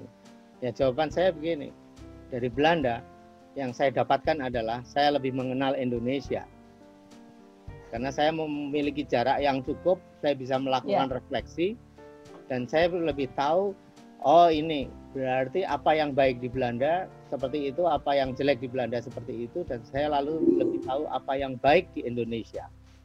Ya. Justru pengalaman kontras itu karena ya katanya ikan nggak bisa lihat airnya begitu tapi ketika saya kemudian keluar dari kolamnya sebentar saya bisa bisa tahu gitu saya kira Baik. yang yang itu yang di yang saya dapatkan. Kalau ya yang lain ada beberapa orang-orang yang menarik dengan pandangannya seperti dosen-dosen atau profesor di sana yang yang saya sempat ketemu seperti Herman atau Giancarlo De Carlo, Carl Krishna Dosi dan ya Stephen Hall dan seterusnya. Saya kira itu lebih personal ya. Saya bisa belajar bagaimana kecintaan mereka itu pada kehidupan bagaimana mereka menggunakan arsitektur itu bukan untuk memuliakan dirinya, tapi bagaimana untuk betul-betul melayani kehidupan. Ketika kita berdekatan dengan orang-orang yang seperti itu, sebetulnya sangat humble ya mereka ya, dan dan bisa bisa bisa terasa bagaimana mereka sangat passionate gitu, tapi untuk mencari solusi pada pada kehidupan yang lebih baik ya. Semangat itu yang saya suka saya kira. Baik baik, menyerap energi positif banyak ya Pak, bagus banget ya. ya. Oke, okay. untuk beli gede pertanyaannya uh, mengenai pendekatan etnografi beli itu kan membutuhkan waktu, tenaga, sensitivitas uh, lebih dari untuk untuk metode perancangannya. Apakah satu lokasi uh, sama atau beda-beda atau mungkin pengamatannya bisa berbeda, sudut pandangnya, sensitivitasnya eh, bagaimana menjustifikasi kesahihan metode ini? Ya, eh, jadi pertama kali yang kita ubah adalah metodenya. Saya bilang ke eh, anak-anak uh, ketika kita belajar tentang teori-teori atau metode-metode penelitian, kita bahkan tidak ingin menjadi peneliti karena bahasanya terlalu langit gitu kan. Ya. Kita tidak mudah mengerti itu. Coba kita penelitian ini kita kita uh, uh, maknai baik misalnya jadikan diri kita ini seperti hewan gitu. Gimana sih hewan meneliti sesuatu memverifikasi sesuatu gitu kan? Makanya saya membuat ini kitab pendokumentasian. Jadi inilah dasar-dasarnya. Ini yang kita gunakan sebagai acuan untuk meneliti itu semua. Metode-metode penelitiannya pun metode-metodenya pun pada akhirnya nama-nama uh, hewan juga ada metode buku babi, ada metode buaya terperdaya itu. Penelitian itu harus dibuat fun gitu kan, jangan dibuat kualitatif, kuantitatif. Kalau bahasanya bahasa langit sekali, gitu. kita nggak menghasilkan apa-apa gitu. Jadi ketika penelitian di bawah fun itu hasilnya jauh lebih baik daripada penelitian yang serius-serius itu.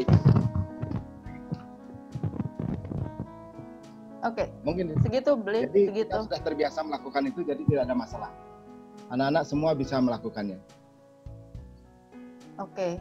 Uh, eh, itu itu termasuk yang tiga bulan di Baduy itu ya beli ya itu itu banyak sekali uh, memberikan uh, masukan dasar untuk mulai perancangan ketika pekerjaannya di Jawa Barat ya beli ya ya ya oke okay. Pertanyaan selanjutnya dari Bapak Marcelus Raffi uh, bertanya pada Pak Eko dan Beli Gede. Uh, beliau menanyakan bagaimana untuk Jakarta. Jakarta bagaimana memahami kelokalannya dan konteksnya ketika yang mendominasi di kota Jakarta adalah globalisasi, efisiensi harga, komersialisasi, dan uh, rasa-rasanya sulit mencari akarnya di mana. Monggo Pak Eko uh, ya mungkin dari dari sisi bentuk dan itu uh, saya belum pernah tinggal di kota besar tapi saya uh, khususnya Jakarta baru hanya pendek-pendek begitu. Tapi saya kok menduga dan saya percaya bahwa manusianya sama ya. Manusia di Jakarta sama juga dengan manusia di di Jogja atau di begitu. Artinya human nature-nya itu kan sama bahwa kita berada dalam sistem itu itu yang membentuk melingkupi kita. Tinggal kemudian apakah kita setuju dengan sistem itu atau kita ingin merubahnya. Saya kira karena di Jakarta orang merasa bahwa sistemnya itu sudah terlalu besar, terlalu kuat, terlalu global, global dan seterusnya bahkan kita secara langsung atau tidak langsung membela sistem itu dan kita membuat sistem itu semakin kuat karena kita selalu mengafirmasi pada sistem itu gitu. sehingga tidak lagi ada keberanian tanda petik untuk melawan atau berpikir alternatif nah kalau masih mau diupayakan ya carilah celah-celah kecil Oke. karena saya kok dari Pak Eko demikian ya dari ya. beli gede mungkin ya ini Pak Eko sudah atau belum? Ya, saya ya sudahlah gitu. Ya intinya itu seperti itu. Saya nggak masuk matang soalnya tadi uh, terhenti. Ya, artinya ada ada proses untuk untuk belajar dan berefleksi sebetulnya kita bisa lah merubah yang tidak kita inginkan seperti itu entah dengan dengan melakukan adaptasi atau juga dengan inovasi-inovasi yang yang kreatif yang menurut kita lebih baik yang itu dalam bahasa tadi saya menyebutnya sebagai daya hidup. Ya, ya, ya. Nah, ini keberanian itu sebetulnya ingin ditunjukkan di desa dengan resources ya, apa ke teknologi dan kesesiaan yang macam-macam itu yang mungkin tidak tidak sebanyak yang di kota, tapi energi energi untuk memilih itu itu masih menurut saya penting gitu yang itu harus kita bela karena kita hanya punya itu. Kalau kemudian itu sudah yeah, yeah. dan hilang kita menjadi ya kita habis juga kan. Mungkin energi memilih ini atau mengambil keputusan tadi yang beli gede sampaikan Pak Eko di Jakarta ini uh, klien memposisikan diri sangat di atas arsitek. Jadi uh, kalau saya pengalaman saya hidup di Bali juga terasa beda sekali gitu bertemu klien di Bali dengan bertemu klien di arsit eh, di Jakarta gitu ya. Jadi memang mungkin kondisi-kondisi itu yang membuat kadang-kadang memang eh, klien minta apa arsitek tidak merasa berkuasa untuk punya energi itu, energi memilih itu mungkin. Itu mungkin bedanya di Jogja dengan di Jakarta yang pasti sangat beda itunya sih Pak. Mohon maaf ini saya mungkin. Mewakili yeah. partisipannya. Rasanya demikian karena saya hidup pernah hidup 20 tahun di Bandung, kemudian 11 tahun di Bali dan uh, sekarang 10 tahun di Jakarta. Jadi rasanya uh, memban otomatis saya membandingkan uh, tipikal kliennya gitu ya meskipun di Bali uh, mau bertemu orang Bali atau orang yang lebih di timur Lombok Flores atau mungkin bahkan banyak sekali bertemu orang asing gitu kita bisa menjadi teman gitu bisa menjadi teman setara yang saling berbagi beda sekali dengan dengan uh, bertemu dengan klien-klien di Jakarta mungkin seperti itu um, dari ya. beli gede Ya, uh, saya mungkin agak nakal sedikit sebagai arsitek ya, karena mempertanyakan hal-hal yang sifatnya uh, mendasar gitu kan. Mendasar dalam artian uh, apa sih motivasinya orang untuk tinggal di kota besar gitu kan. Karena setelah kita breakdown semua alasan-alasan itu, tidak jauh-jauh dari mengejar materi kok. Ya gitu. Jadi uh, saya dalam situasi-situasi seperti itu ingin menawarkan sesuatu sebelum kita masuk ke ranah mendesainnya ya. Suka tidak suka, diakui atau tidak. Banyak orang datang ke kota besar karena follow the money gitu kan. Ya. Yeah. Mau nggak saya kasih alternatif? Alternatif alternatif apa itu? Follow the quality gitu. Kita mau sekarang mau uh, mengikuti uh, uangnya atau mengikuti kualitas-kualitas berkehidupannya. Jadi kalau memang tidak mau mengikuti uh, kualitas-kualitas ini, artinya lagi-lagi itu bukan klien kita. Nah. Mungkin itu. Berani berani melepaskan diri dari calon klien ya, Bli? Ya, kenapa tidak? Kalau di Jakarta itu bukan uh, bukan pilihan sepertinya ya sepertinya nah. meskipun uh, tidak semua bisa begitu tapi uh, banyak yang seperti berada di posisi mau nggak mau gitu ya jadi perlu keberanian sangat besar untuk melepaskan calon klien gitu ya ya karena tidak dipersiapkan mentalitasnya saya pikir itu ya tidak ya, dipersiapkan ya, mentalnya. Ya. betul, betul kalau betul. rumah intaran tidak dapat klien ya udah kita nggak usah uh, ngerjain apa apa kita jualan minyak kelapa aja. Kita bikin minyak kelapa kita berternak lebah eh, jualan madu nggak apa-apa gitu kan. Dan saya tidak malu sama sekali untuk mengakui itu untuk melakukan itu gitu kan. Nah, e, sementara itu arsitek ini kan profesi yang high profile banget kan gitu kan. Ya. Iya. E, harus begini harus begitu harus begini. Saya nggak ada malu-malunya gitu kan kalau mau harus jualan apa pun di pasar saya nggak apa-apa juga kok kalau nggak dapat kerjaan gitu kan kayak gitu jadi Buat ya, apa malu? Ya. ya, betul. Selama masih halal harusnya maju terus ya beli. Ya. Iya, ya. Oke, pertanyaan selanjutnya dari uh, ini saya nggak tahu pria atau wanita ya, Tanai Ginardi uh, mempertanyakan bagaimana kepada kedua narasumber bagaimana cara melatih diri untuk mempertajam untuk melihat hal-hal yang tidak tampak uh, bisa apakah bisa disebutkan dari pengalamannya yang paling berkesan selama mendesain? Mungkin dari Pak Eko dulu. Sebetulnya ini sesuatu yang sangat mudah kok sebetulnya yang normal. Kita kita jangan segan bertanya saja dan melihat begitu. Karena ya, ya. kadang-kadang kita punya jadi eh, kacamata yang kita pakai terus begitu sehingga seolah-olah itu kebenaran satu-satunya kebenaran yang ada di luar sana gitu. Tapi ketika kita coba berganti-ganti peran, melihat dan mau belajar dari orang lain, kita akan lalu langsung bisa melihat itu.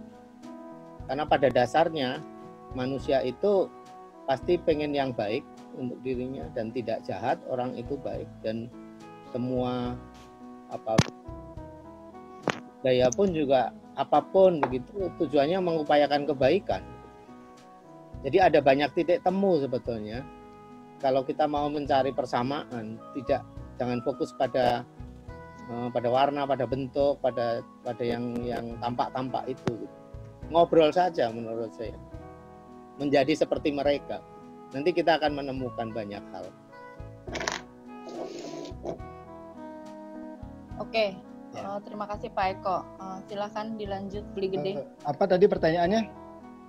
Uh, bagaimana melatih diri mempertajam untuk melihat hal yang tidak tampak? Mungkin ini balik lagi ini ini ini uh, mungkin saya bisa mewakili kehidupan di kota yang uh, sangat cepat gitu ya.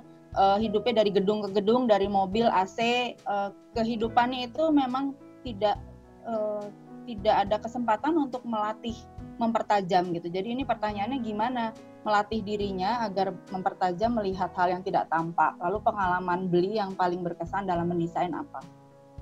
Ya, sebenarnya sih simulasi-simulasi ini sering sekali kita lakukan di kampus-kampus ya. Saya diundang ke kampus gitu kan untuk melihat uh, mana sih. Kadang-kadang uh, karena kita terlalu dekat, kita nggak bisa membedakan gitu kan. Tapi begitu kita mengambil jarak sedikit, bedanya tuh jelas sekali. Gitu kan. Banyak hal yang memang begitu. Jadi uh, uh, kalaupun ada tips dari saya, saya mungkin itu ngambil jarak sedikit gitu dari apa pun yang ingin kita nilai gitu Terus uh, kalau pengalaman paling mengesankan, uh, saya pikir semua klien saya itu jadi teman, jadi saudara, jadi sahabat gitu. Berhubung masih bisa tetap jadi teman, masih bisa jadi tetap tetap jalan-jalan bersama gitu segala macam. Ya, ya, itu ya. itu menyenangkan sekali gitu. Ya. Terus ya. Uh, kalau soal karyanya sendiri kok ya karena saya selalu bikin karya yang tidak pernah aneh-aneh ya biasa-biasa banget jadi apa apa yang bisa saya apa yang berkesan buat saya kalaupun ada yang kesan mungkin rumah intaran sendiri ya yang karena orang-orang selalu mengatakan wah ini seperti rumah nenek saya ini seperti uh, rumah ya padahal saya juga tidak bermaksud seperti itu nah perfect in imperfectness mungkin itu uh, banyak yang teman-teman sebut tentang rumah intaran nggak ada yang bagus-bagus di rumah intaran tapi mereka merasa nyaman Iya. Judulnya harus ke rumah intaran ya beli ya. Ini buat yang nanya barusan. artinya harus belajar mengambil madu di Singaraja ya beli. Uh, boleh. ya susah. Pokoknya artinya uh, menurut saya memang kalau belajar itu harus diluangkan waktu ya uh, Pak Eko beli gitu karena memang ya, ya. Um, saya pribadi mungkin uh, contoh mencontohkan diri saya sendiri karena saya sebenarnya anak pantai gitu ya yang senangnya tidur siang juga di pantai uh, karena pindah ke Bali waktu itu, tapi ketika harus berada di Jakarta, kehidupannya terlalu cepat. Memang akhirnya kalau dari kecil di Jakarta tidak pernah ke alam, memang uh, kita nggak bisa mengasah panca indera kita yang hanya dikasih lima ini gitu loh. Jadi memang harus kesadaran uh, kita sendiri ya, nanti sebagai arsitek untuk mau melihat belajar ke alam gitu. Seperti Gede kemarin menyampaikan, bahkan penciuman itu juga bisa mempengaruhi desain gitu. Uh, yeah. Bahkan di, di yeah. Jakarta kita bingung kita harus mencium apa yang ada bau sampah, bau knalpot. Uh, terus lalu kita harus mendesain spa gitu ya. Sementara yang mau mendesain spa mungkin saja belum pernah menikmati spa yang baik di Bali karena di Jakarta ada istilah spa yang lain gitu ya. Ini nggak usah nggak bisa dibahas di sini. Tapi uh, artinya harus ada uh, uh, niat ya, niat dari diri untuk terjun ke alam dan belajar dari alam. Oke, pertanyaan berikutnya dari Laneke. Pak Rubirus, ya. Laneke, ya. ini uh, ada apa partisipan yang akan nanya langsung kira-kira kita bisa akomodasi ya Bu Aneke? Boleh, boleh, monggo silakan. Uh, silakan Pak Sun. Rizkia. Ibu Rizkia. Oh iya. Dari Palangkaraya. Hmm, betul.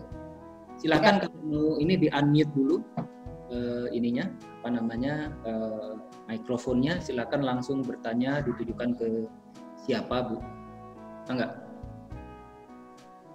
halo? Oh baik. Mungkin uh, nanti saja Bu Ana masih menunggu. Masih menunggu. Oke.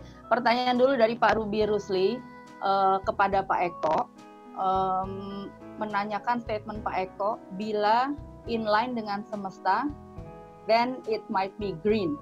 Catatan kuat hari ini uh, oh ini sebuah statement bukan pertanyaan tapi pernyataan. Uh, ini kayaknya Pak Ruby tercerahkan sekali dengan uh, statement Pak Eko barusan bila sudah inline dengan semesta then it might be green gitu jadi uh, saya rasa uh, untuk Ruby ini memang hari ini banyak sekali banyak sekali keyword yang um, bisa jadi catatan penting buat uh, kita sebagai arsitek dan mungkin di, di IAI ini bisa jadi berapa kali pelatihan nih Pak Aswin ini kalau ngumpulin keywordnya ini kedua narasumber hari ini.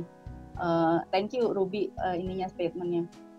Uh, pertanyaan dari saya, um, gini uh, kembali lagi Pak Eko beli gede uh, mengenai uh, perbandingan kondisi material alam dengan industri yang sebenarnya sama-sama dibutuhkan hanya uh, tingkat ketersediaannya lebih mudah didapat yang industri kalau ada di uh, kawasan urban gitu. Uh, bagaimana pandangan uh, Pak Eko dan beli gede uh, untuk menjangkau market yang lebih luas? Apakah dimungkinkan uh, sekolah ketukangan ini meluas menjadi penyediaan material yang bisa lebih uh, pasti untuk arsitek atau klien gitu sehingga bisa ada misalnya ada database digital atau misalnya ada penjualan material online dari desa gitu apakah itu sebuah sesuatu yang mungkin gitu karena kita sudah bicara semua harus bisa online gitu artinya ketersediaan harus harus bisa disediakan gitu karena uh, tadi yang statement beli gede parutan rotan akan terpakai kalau ada yang makai gitu. Nah sekarang kalau mau menjangkau market yang lebih luas kan harus tahu dulu si orang yang mau pakai ini harus tahu dan harus tahu belinya di mana atau nyarinya di mana. Jadi apakah uh, memang mungkin sudah waktunya untuk melestarikan uh, uh, material arsitektur yang lebih dekat dengan alam dan lebih green ini memang harus disediakan database digital dan juga uh, penjualan material online tentunya dengan nanti rangkaian pelatihan. Monggo dari Pak Eko dulu. Uh, saya sendiri berpandangan bahwa teknologi itu bisa bermanfaat, uh, tapi tidak selalu bermanfaat, tapi bisa bermanfaat. Nah kemudian tentang kalau kita ber berinteraksi dengan alam ya yang paling harus di di apa disadari adalah sadar batas. Jadi alam itu memiliki kapasitas memiliki bat, bat, bat, batas kodratnya itu yang tidak bisa dilampaui gitu. Betul. Misalnya kalau kita semua dikandung 9 bulan lah lebih kurang lebih sedikit gitu kemudian kita kan tidak pernah bilang gimana kalau prosesnya lebih efisien sehingga kita bisa setahun punya anak empat lah bagaimana gitu itu jadi ada ya, ya, ya, batas ya. ada hal-hal yang tidak bisa dilampaui dan itu karena betul, ada betul. kebaikan di baliknya jadi betul. kita jangan mau satu sisi saja tapi kita tidak lihat betul reasoning betul. gitu betul betul setuju uh, setuju sekali dengan itu. Memang memang uh, batas-batas ini balik lagi sebenarnya uh, antara tadi klien dengan arsitek uh, harusnya seimbang. Arsitek dengan uh, penyedia material juga harusnya seimbang. Kadang-kadang arsitek juga lupa bahwa pohon ada waktu tumbuhnya, daun ada waktu hidupnya gitu ya. Jadi kadang-kadang alamnya di dieksploitasi bukan dieksplorasi dengan baik. Mungkin dari beli gede jawabannya mengenai nah, digitalisasi kebetulan, dan kebetulan hari ini kita ada di ruangannya IAI ya. Terus kemudian Pak Aswin juga sebagai pengajar di ITB segala macam. Dari saya sih mungkin saatnya kita bawa uh, ini kerana pendidikan ya. Karena bagaimanapun juga yang arsitek-arsitek ini mungkin kita perlu bekali juga dengan kemampuan untuk memproduksi materialnya sendiri. Gitu. Nah, semasih ada tanah, semasih ada air, kita bisa membuat material. Ya. Jadi di mana di Indonesia tidak ada tanah, semuanya ada tanah. Dari tanah itu kan bisa kita buat material. Hanya saja kalau di masa lalu kan pencapaiannya baru segitu, bisa nggak itu kita tingkatkan lagi? Nah, terus kemudian di mana ada vegetasi di situ ada material juga. Masalahnya bisa nggak kita tingkatkan kualitasnya gitu? Nah, bisa nggak kita beli, berikan ya. Beli gede menantang Pak Aswin untuk menyediakan laboratorium material. Pak Aswin kira-kira gimana? Laboratoriumnya sudah ada di mana-mana. Laboratoriumnya itu ada betul. di desa-desa gitu kan. Di sekitar Bandung banyak sekali. Betul. Emang betul. uh, ya, saya boleh izin uh, men, uh, bergabung di diskusi ini ya Bu Aneke ya. Iya, iya ikutlah, ikutlah. Sebagai pakar akademisi uh, kita merindukan ini diajarkan di kampus sebenarnya. Jadi memang memang uh, ini kan uh, apa yang kita uh, bahas, apa yang uh, Beli Gede dan Pak Eko sampaikan, Pak Eko juga pengajar di Duta Wacana memang eh, hal yang yang krusial karena sekali lagi di kampus itu waktunya kan untuk mendidik orang supaya jadi itu pastinya kurang sekali waktunya. Apalagi eh, kita eh, di apa di diberi tekanan-tekanan administratif dan sekat-sekat keilmuan dan segala macam yang membuat sebenarnya apa yang kita beri ke mahasiswa selama kurang lebih empat setengah tahun di sarjana itu baru sampai pada tahap pengetahuan dan keterampilan. Tahap selanjutnya yang kebijaksanaan itu memang terbatas sekali waktunya di kampus ya. Jadi justru eh, bagaimana kita menyiapkan calon-calon eh, apa eh, aktor yang akan membawa perubahan ke lingkungan di mana pun mereka berada itu memang bukannya kita mengelak ya, tapi memang memerlukan kerjasama dari banyak pihak dan banyak institusi gitu ya. Jadi ketika misalnya uh, orang atau uh, seseorang yang sudah lulus sekolah arsitektur kemudian akan bekerja sebagai arsitek, tentu saja domain uh, mereka diserahkan ke ketika lulus kemudian ada beberapa prosedur yang mereka harus tempuh.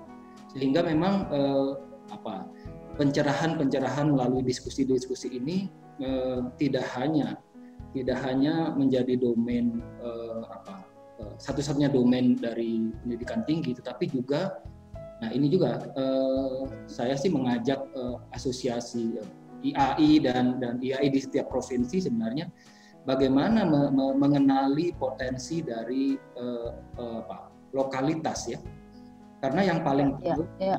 lokalitas masing-masing itu justru orang yang tinggal di situ. Nah, mungkin misalnya betul, betul. apa namanya eh, ya sebenarnya itu adalah uh, ini boleh didebat ya.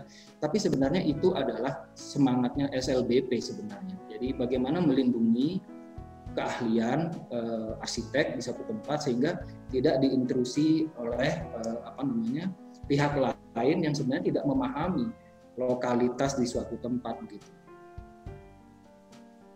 Oh, kalau boleh usul Pak Aswin, ini kan ya. bicara usulan-usulan tahun lalu kalau ngomong ke Pak Aswin terfollow up dengan baik di kampus.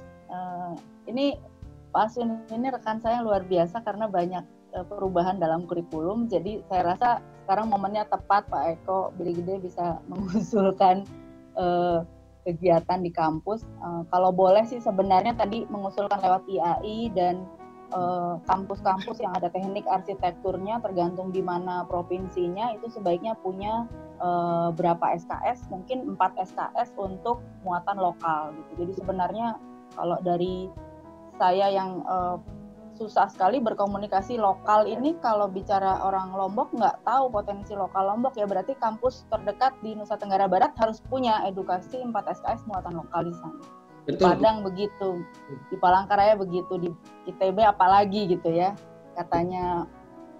Jadi memang eh, sebenarnya kami di Aktari ya, mungkin di beberapa eh, apa eh, atendis itu ada mengajar juga. Jadi memang kita selalu mendorong bahwa sekolah-sekolah arsitektur itu tidak terjadi penyeragaman ya. Jadi ya. eh, lalu harus menggali apa karakter dari dari eh, setempat ya di mana sekolah itu berada dan itu justru menjadi muatan karakter di kurikulum dan kami di Atari Asosiasi Pendidikan Tiga Arsitektur itu selalu me, me, apa ya, menghimbau bagi prodi-prodi yang akan uh, punya kesempatan merevisi kurikulum itu selalu melihat ke karakter lokalnya seperti apa dan warnanya itu mau mau menjadi warna apa harusnya sesuai dengan lokalitas setempat gitu. Itu yang pertama. Yang kedua, sebenarnya pemerintah melalui program MBKM, Merdeka Belajar Kampus Merdeka, itu mengakomodasi hal seperti ini sebenarnya. Jadi kalau kita lihat potensi eh, bagaimana kita bisa melatih eh, mahasiswa-mahasiswa yang akan nanti terjun ke masyarakat, itu dengan adanya program MBKM secara kreatif itu berada di tangan prodi, gitu ya di prodi mau buat mau buat secara kreatif merumuskan program seperti apa itu seluruhnya di tangan prodi dan kalau dari pandangan saya mendengar uh, Pak Eko Prabowo, Pak uh, Budi Krisna itu semakin yakin bahwasanya kita itu bisa merubah pendidikan itu dengan kreativitas kita sendiri tidak bergantung pada orang lain gitu. Ini kalau kita bicara konteks ini ya, konteks ya, pro. Betul, betul. Karena ya. Karena pengalaman saya, pengalaman kami ya, sebenarnya kalau kita dilihat di level fakultas atau level universitas, mereka akan lihat Anda ini sudah merumuskan apa. Kami akan follow saja gitu. Kalau kita memang benar-benar merumuskan secara mendalam kita itu maunya ke sini, kita itu ingin mendidik uh, apa uh, orang-orang yang nanti punya tadi Pak uh, Eko bagus sekali ya bagaimana melatih rasa itu. Karena ya. uh, pendidikan arsitektur ada kecenderungan yang agak berbahaya sebenarnya kalau saya boleh memprovokasi. Agak agak berbahaya karena semakin meninggalkan tacit knowledge itu. Karena itu memang nggak bisa diajarkan. Bukan. Bisa di bisa dipelajari tapi nggak bisa diajarkan. Gimana itu? Karena itu tadi, pendidikan arsitektur itu adalah pendidikan yang harusnya lama karena itu mengajari rasa. Nah, e, melalui sebenarnya melalui MBKM, melalui uh, apa kurikulum uh, mandiri itu semuanya ada di tangan prodi masing-masing gitu, Bu. Berarti perlu prodi yang itu ya. Tadi meminjam kata beli gede dilarang malas. Cuma satu kata aja karena ketika kurikulum harus diubah artinya harus ada ekstra tenaga dan waktu diluangkan untuk itu kan gitu. Dan itu perlu perlu kemauan ini Bu Aneke yang paling penting di kita adalah kesepakatan ya. Jadi oh iya. Itu yang paling menyerap energi. Aku nah, tahu ya. ya jadi ini tuh ke mana itu harus punya tujuan yang sama. Iya, iya betul. Lalu kita melihat di gede Pak Eko sebagai sebagai orang yang memang punya punya gift gitu ya, diberi pencerahan. Nah ini bagaimana uh, ilmu-ilmu atau insight dari mereka-mereka ini yang memang sudah secara intrinsik punya kapabilitas seperti itu, yeah, yeah. jadikan uh, apa ya uh, way of teaching gitu. Jadi uh, ini juga sedang mengemuka di pendidikan tinggi, terutama di ITB sebenarnya bagaimana kita mengajari filosofi tidak hanya melulu tentang sains, teknologi, tapi lebih tinggi dari itu sebenarnya cara berpikir. Ya, ya. luar biasa. Uh, mudah-mudahan uh, semakin dilancarkan ya Pak Aswin uh, dan mudah-mudahan nanti uh, harapannya sih lulusan S1 memang dipersiapkan, tapi setidaknya paham lah kalau di Jawa Barat tahulah arsitektur Jawa Barat. Kalau di Sumatera Barat tahu lah arsitektur Sumatera Barat itu. Jadi uh, itu yang yang kadang prihatin juga kalau um, yang masih muda-muda ini belum peduli sama kelokalannya gitu. Mungkin kita lanjut ya ke ya. pertanyaan berikutnya. Pertanyaan berikutnya dari uh, Pak Vicky Purnama menanyakan kepada Pak Eko uh, bagaimana tadi dengan statement arsitektur itu politis, bagaimana pengaruhnya terhadap kehidupan dan kebudayaan, Pak?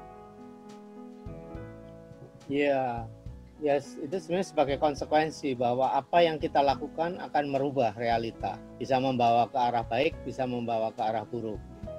Sementara lingkungan kita atau mungkin tuntutan yang tuntutan industri, ya saya tidak sedang mengoposisi industri, tapi industri tidak salah pada dirinya sendiri, tapi tidak semua bisa didekati dengan dengan logika industri. Gitu.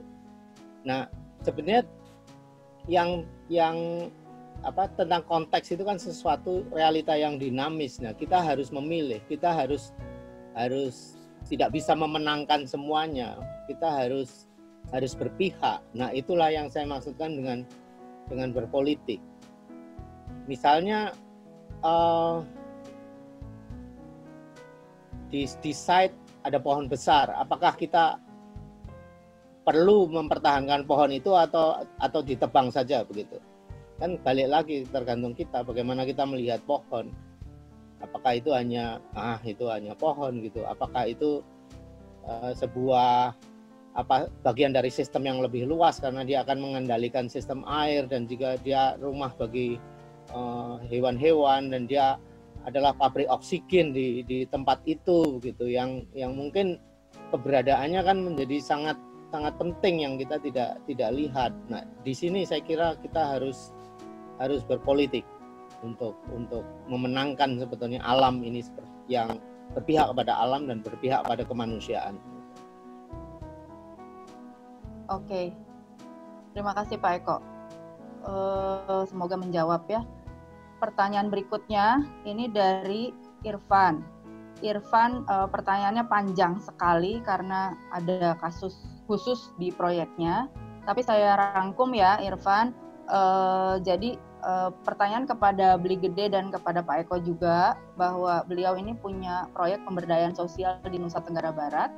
Kemudian uh, karena tiba-tiba uh, pendampingannya untuk masyarakat di desa kurang mampu. Tapi kemudian pemerintah datang dengan proyek standarnya yang kaku sehingga masyarakat berbondong-bondong mengikuti standar ini dengan harapan bisa mengatasi kelaparannya dari sisi ekonomi.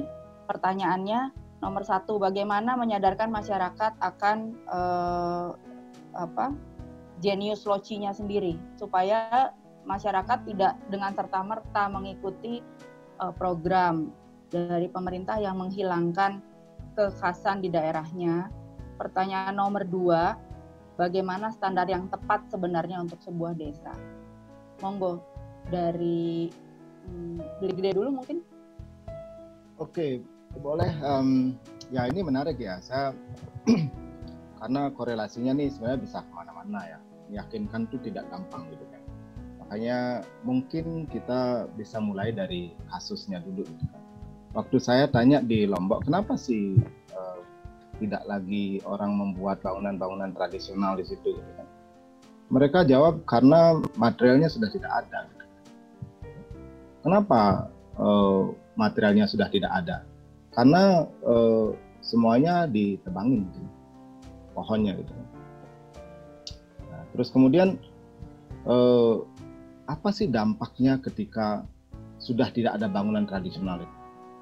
nggak ada dampak apa-apa kok gitu. Mereka nggak ngelihat perbedaannya antara tinggal di rumah modern dengan tinggal di rumah tradisional dengan tinggal di rumah modern. Tapi sebenarnya dampaknya itu luar biasa. Pada waktu mereka masih menggunakan kayu-kayu dari uh, rumah-rumah dari rumah-rumah tradisional dari kayu-kayu yang mereka ambil dari hutan. Hutan itu tidak pernah habis gitu kan. Tapi justru ketika mereka sudah tidak menggunakan kayu sebagai material lagi. Masyarakat merasa keberada, keberadaan uh, hutan di situ tuh nggak penting lagi. Ya jadi kalau ada uh, orang membabat hutan itu mereka juga nggak peduli memperjuangkan itu. Nah, akibatnya ketika hutannya sudah uh, gundul baru kemudian terjadi banjir dan lingkaran-lingkaran uh, setannya itu mulai kebentuk gitu kan. Nah, artinya kalau kita hanya mem memperbandingkan antar rumah tradisional dengan rumah modern uh, head to head begitu tanpa melihat apa yang ada di baliknya itu memang ini bisa jadi akan sangat bias gitu kan. ya makanya uh, hal yang harus kita bahasakan kepada masyarakat ada dampak-dampak lain ada pesan-pesan lain yang mungkin kita nggak lihat sekarang yang mungkin kita nggak bisa lihat tapi ada dan itulah pentingnya kita melakukan uh, pendokumentasian apa sih dampak-dampak ketika uh, ini sudah tidak ada gitu. Nah, mungkin itu dari saya. Pak Eko melanjutkan. Mungkin sebagian sebagian itu juga uh, mungkin jawaban saya tidak bisa langsung ya karena sebagian sebenarnya situasi yang terjadi ini kan juga karena kesalahan berpikir kan sebenarnya. Iya, iya, iya. Yang yang merasa uh, bahwa ada satu obat yang bisa menyembuhkan semua jenis penyakit. Itu kepercayaan iya. itu yang menurut saya perlu dipertanyakan. Lalu pemerintah pemerintah merasa kalau peraturannya yang dibuat itu sudah benar untuk semuanya. Dan satu bisa berlaku untuk semuanya Nah, inilah akibat akibat dari uh, kepercayaan. Iya. jadi harus berpikir alternatif. Saya sendiri tidak tidak sedang menyalahkan yang itu, tapi ada banyak alternatif yang lain gitu yang mungkin bisa dipertimbangkan. Um, dan masyarakat punya potensi.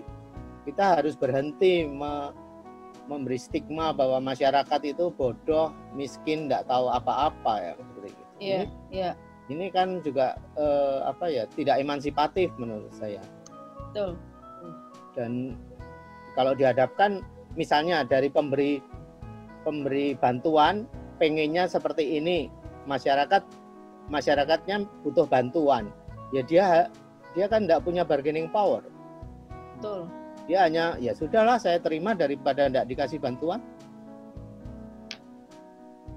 tapi mungkin pemerintah niatnya baik tapi oknum yang di bawahnya ini yang kurang kreatif menurut saya. Ini yang yang harus dicerahkan juga supaya jangan cari mudahnya.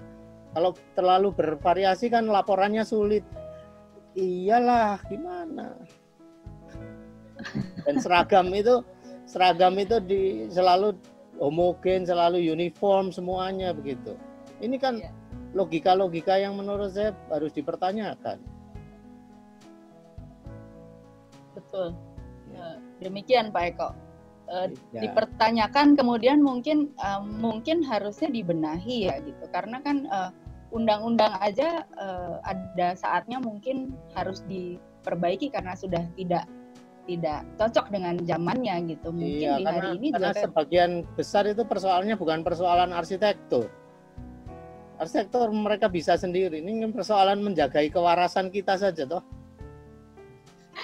uh, waras ini kadang berhubungan dengan uh, itu Pak, perut lapar itu Pak. Jadinya yeah. tadi benar kata-katanya kelaparan. Jadi betul juga statement Pak Eko bahwa mereka membutuhkan bantuan, tapi karena uh, itu tadi memudahkan laporan, uh, homogenitas, kita dipaksa amnesia budaya itu Pak. Jadi nggak uh, usah bikin rumah lombok lagi, bikinlah rumah tipe yang ini dengan bentuk begini, jendela begini, atap begini. Akhirnya nanti dari Sabang sampai Merauke yang harusnya ada sekian ratus keberagaman jadi harus satu karena laporannya satu. Sebenarnya ini PR buat semua. Mungkin mungkin di, eh, diawali dengan kualitas arsitek yang ditelurkan di dari kampus ya Pak Aswin gitu. Jadi tadi ada kita bisa bargaining sama keadaan dengan energi memilih dan menentukan statement. Kita bisa menyampaikan sesuatu kalau kita punya pengetahuannya kalau nggak punya jadi ikut dengan apa yang ada. Mungkin begitu. Uh, jadi kita simpulkan aja ya dari Pak Aswin mungkin karena ikut berdiskusi mungkin ada yang mau disampaikan ya. sebelum saya menyimpulkan di akhir sekali? Ya sebenarnya uh, apa ya uh, alhamdulillah begitu ya. Jadi apa yang kita kami gitu ya kami di bidang pendidikan uh, ini rumuskan sebenarnya ini kan uh, ada tiga episode ya terkait proses merancang. Nah awalnya kami merumuskan ini agar uh, apa ya kata kuncinya adalah kesadaran gitu ya. Uh, Bang Rizky Supratman ini menyampaikan bagaimana kalau kita membuat uh, diskusi tentang kesadaran karena ada hal-hal yang memang kita harus recall kembali ke terutama lulusan baru dari sekolah arsitektur yang akan memulai me, apa, mulai berkarir begitu ya dan ada hal-hal yang memang harus kita recall kembali. Nah, eh, di episode 7 ini di eksposisi yang 7 eh, memang banyak hal yang terkait dengan bagaimana merefleksi kembali eh, apa yang kita punya terkait konteks tadi ya bagaimana menilai mengasah rasa eh, emansipasi empati dan semuanya yang terkait dengan sebenarnya soft skill ya. Bagaimana uh, arsitek itu tidak uh, apa selalu memposisikan dirinya bagian dari uh, lingkungan bagian dari komunitas di mana dia berada gitu. Jadi hal-hal yang memang komplementari dengan pendidikan formal begitu.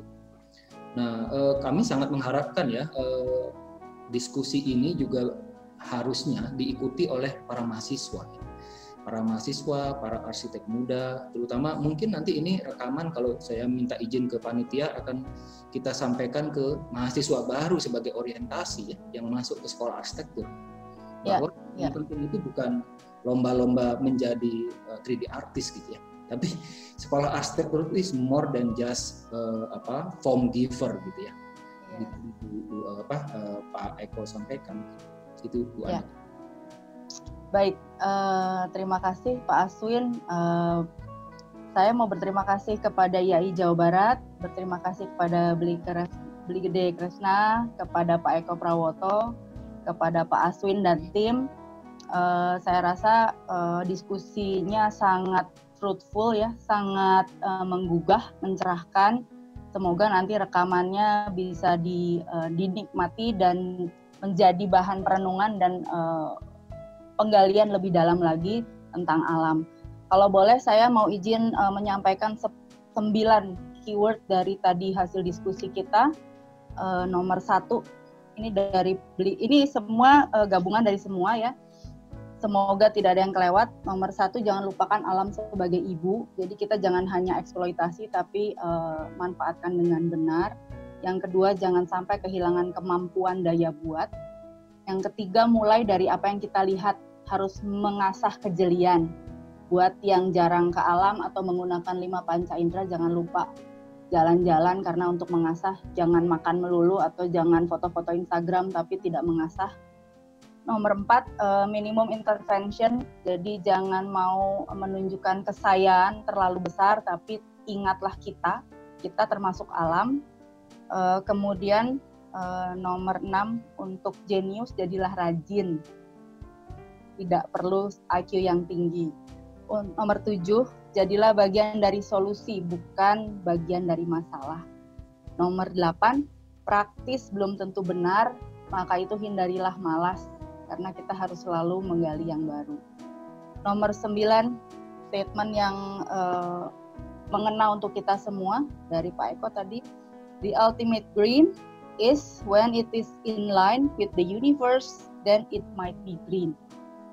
Saya rasa uh, itu pesan yang sangat dalam untuk uh, arsitek yang sudah berpraktisi mungkin selama ini kalau lupa lupa keseimbangan kita harus kembali lagi terutama untuk melestarikan apa yang sudah ada di Indonesia ini. Uh, bukan saja arsitekturnya bukan saja ketahanannya terhadap gempa tapi uh, kondisi menyatu dengan alamnya supaya kita selalu hidup selaras dengan alam. Mungkin sekian dari saya. Uh, terima kasih untuk semua partisipan. Dari Pak Aswin mungkin ada lagi? Baik, terima kasih Bu Anake. Wah, uh, ya, alhamdulillah uh, diskusi hari ini sebenarnya banyak sekali isinya ya. Jadi seperti tadi saya sampaikan, eksposisi 7 ini adalah eksposisi episode ketiga dari tiga uh, eksposisi. Uh, di di antara attendees ini mungkin ada yang sudah mengikuti dari uh, eksposisi 5, kemudian 6, kemudian 7. Uh, eh, izinkan saya untuk me, me, merangkum ya sebenarnya bagaimana uh, uh, kami me, me, merumuskan eksposisi 2020 ini menjadi tema uh, kesadaran dalam proses merancang gitu ya. Uh, dimulai ketika eksposisi 5 itu uh, topiknya adalah metode dan pendekatan dalam uh, dalam proses merancang itu lebih kepada kontemplasi ya. Jadi uh, uh, real rich kemudian uh, uh, pembicara uh, eksposisi 5 itu satu lagi saya lupa ya. Menekankan pada bagaimana sebenarnya metode itu merupakan hasil kontempla kontemplasi yang konsisten dilakukan oleh uh, para arsitek sehingga uh, apa namanya karya-karya yang dihasilkan itu memiliki karakter. Nah setelah dari uh, pendekatan dan metode pendekatan di eksposisi ke-6 itu tentang riset di mana Pak uh, Dedi Wahyudi dan Pak Sibarani Sofian itu uh, ya Pak Sony Sutanto saya lupa. Maaf Pak Sony Sutanto kalau hadir. malah suhunya dia, dia memaafkan, memaafkan. Dia sudah selebritis, nggak apa-apa. Ya, jadi okay. beliau yang sebenarnya menyampaikan itu tuh harus kontempla, kontemplasi ya itu yeah, yeah, yeah. dari pengalaman. Kemudian eksposisi uh, uh, 6 tanggal 17 Juli kemarin itu nyambung karena apa? Karena seperti yang disampaikan Pak Eko dan BGD hari ini, sebenarnya riset itu adalah bagian intrinsik dari proses mendesain yang tanpa, tanpa disadari itu tuh harusnya sudah jadi frame thinking gitu. Uh, Pak Deddy Wahyudi juga menekankan bahwa riset itu adalah itu bukan bukan sesuatu yang alien, bukan sesuatu yang aneh uh, oleh arsitek. Bahkan sebenarnya itu secara instruksi sudah ada. Uh, namun uh, karena kita uh, mengalami proses pendidikan dari uh, legasi dari Barat, maka uh, yang namanya metode atau riset itu di distrukturkan, disistematikan. Ini yang yang mungkin uh, beberapa orang melihatnya riset itu sebagai sesuatu yang yang aneh gitu. Tapi seperti tadi Brigade sampaikan, riset itu sudah kesehariannya memang seperti itu dan dan kita sebagai masyarakat yang cenderung verbal kita perlu uh, melatih bagaimana mendokumentasikan itu. Kalau uh, budaya ya, ya. itu budaya uh, tulis, tapi budaya kita, budaya timur adalah budaya yang sejauh ini masih budaya verbal.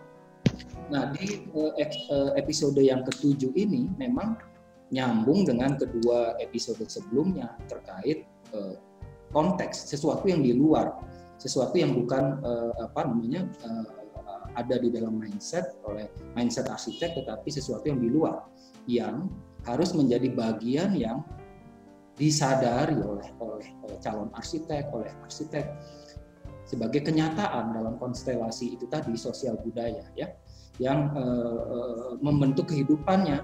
Tadi disampaikan oleh Pak uh, Pak Eko dan Gede ada hal yang harus kita latih terus menerus ini ya sebagai arsitek sebagai orang yang terkait langsung dengan bagaimana mengubah itu tadi mengubah uh, kehidupan di uh, apa konteks lokasi di mana kita berproyek itu gitu.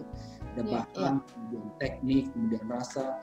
Tapi di sisi lain juga kita itu sedang head to head dengan tadi disampaikan juga dengan yang namanya progres dengan yang namanya uh, pragmatisme dengan yang namanya uh, industri dengan yang namanya ekonomi. Itu semua kita head to head gitu tadi disampaikan oleh uh, narasumber kita uh, hari ini ya bahwa kita tuh harus slow down. Sebagai arsitek nggak nggak nggak selalu harus mengikuti uh, pace-nya industri. Ya. Justru kedua narasumber sekarang itu adalah uh, dari sekian yang berhasil menetapkan barrier itu, gitu, bahwa ya, ya. nilai-nilai itu ingin dicapai, maka ini barriernya, gitu. Ya. bukan barrier dalam arti uh, ini, tapi menyadarkan sekali lagi ini adalah uh, eksposisi tahun 2020 tentang kesadaran begitu kira-kira kalau uh, uh, kami uh, bisa merangkum uh, uh, keseluruhan eksposisi karena eksposisi 2020 ini uh, berakhir di eksposisi 7 uh, hari ini ya sekali lagi kami mengucapkan terima kasih kepada narasumber dua narasumber uh, hari ini. Luar biasa. Sekali lagi ini seperti dikasih uh, apa ya tonik ya. Mengingatkan kembali itu bahwa eh ini harus seperti ini jangan buru-buru parametrik gitu yeah, yeah, buru-buru. Yeah.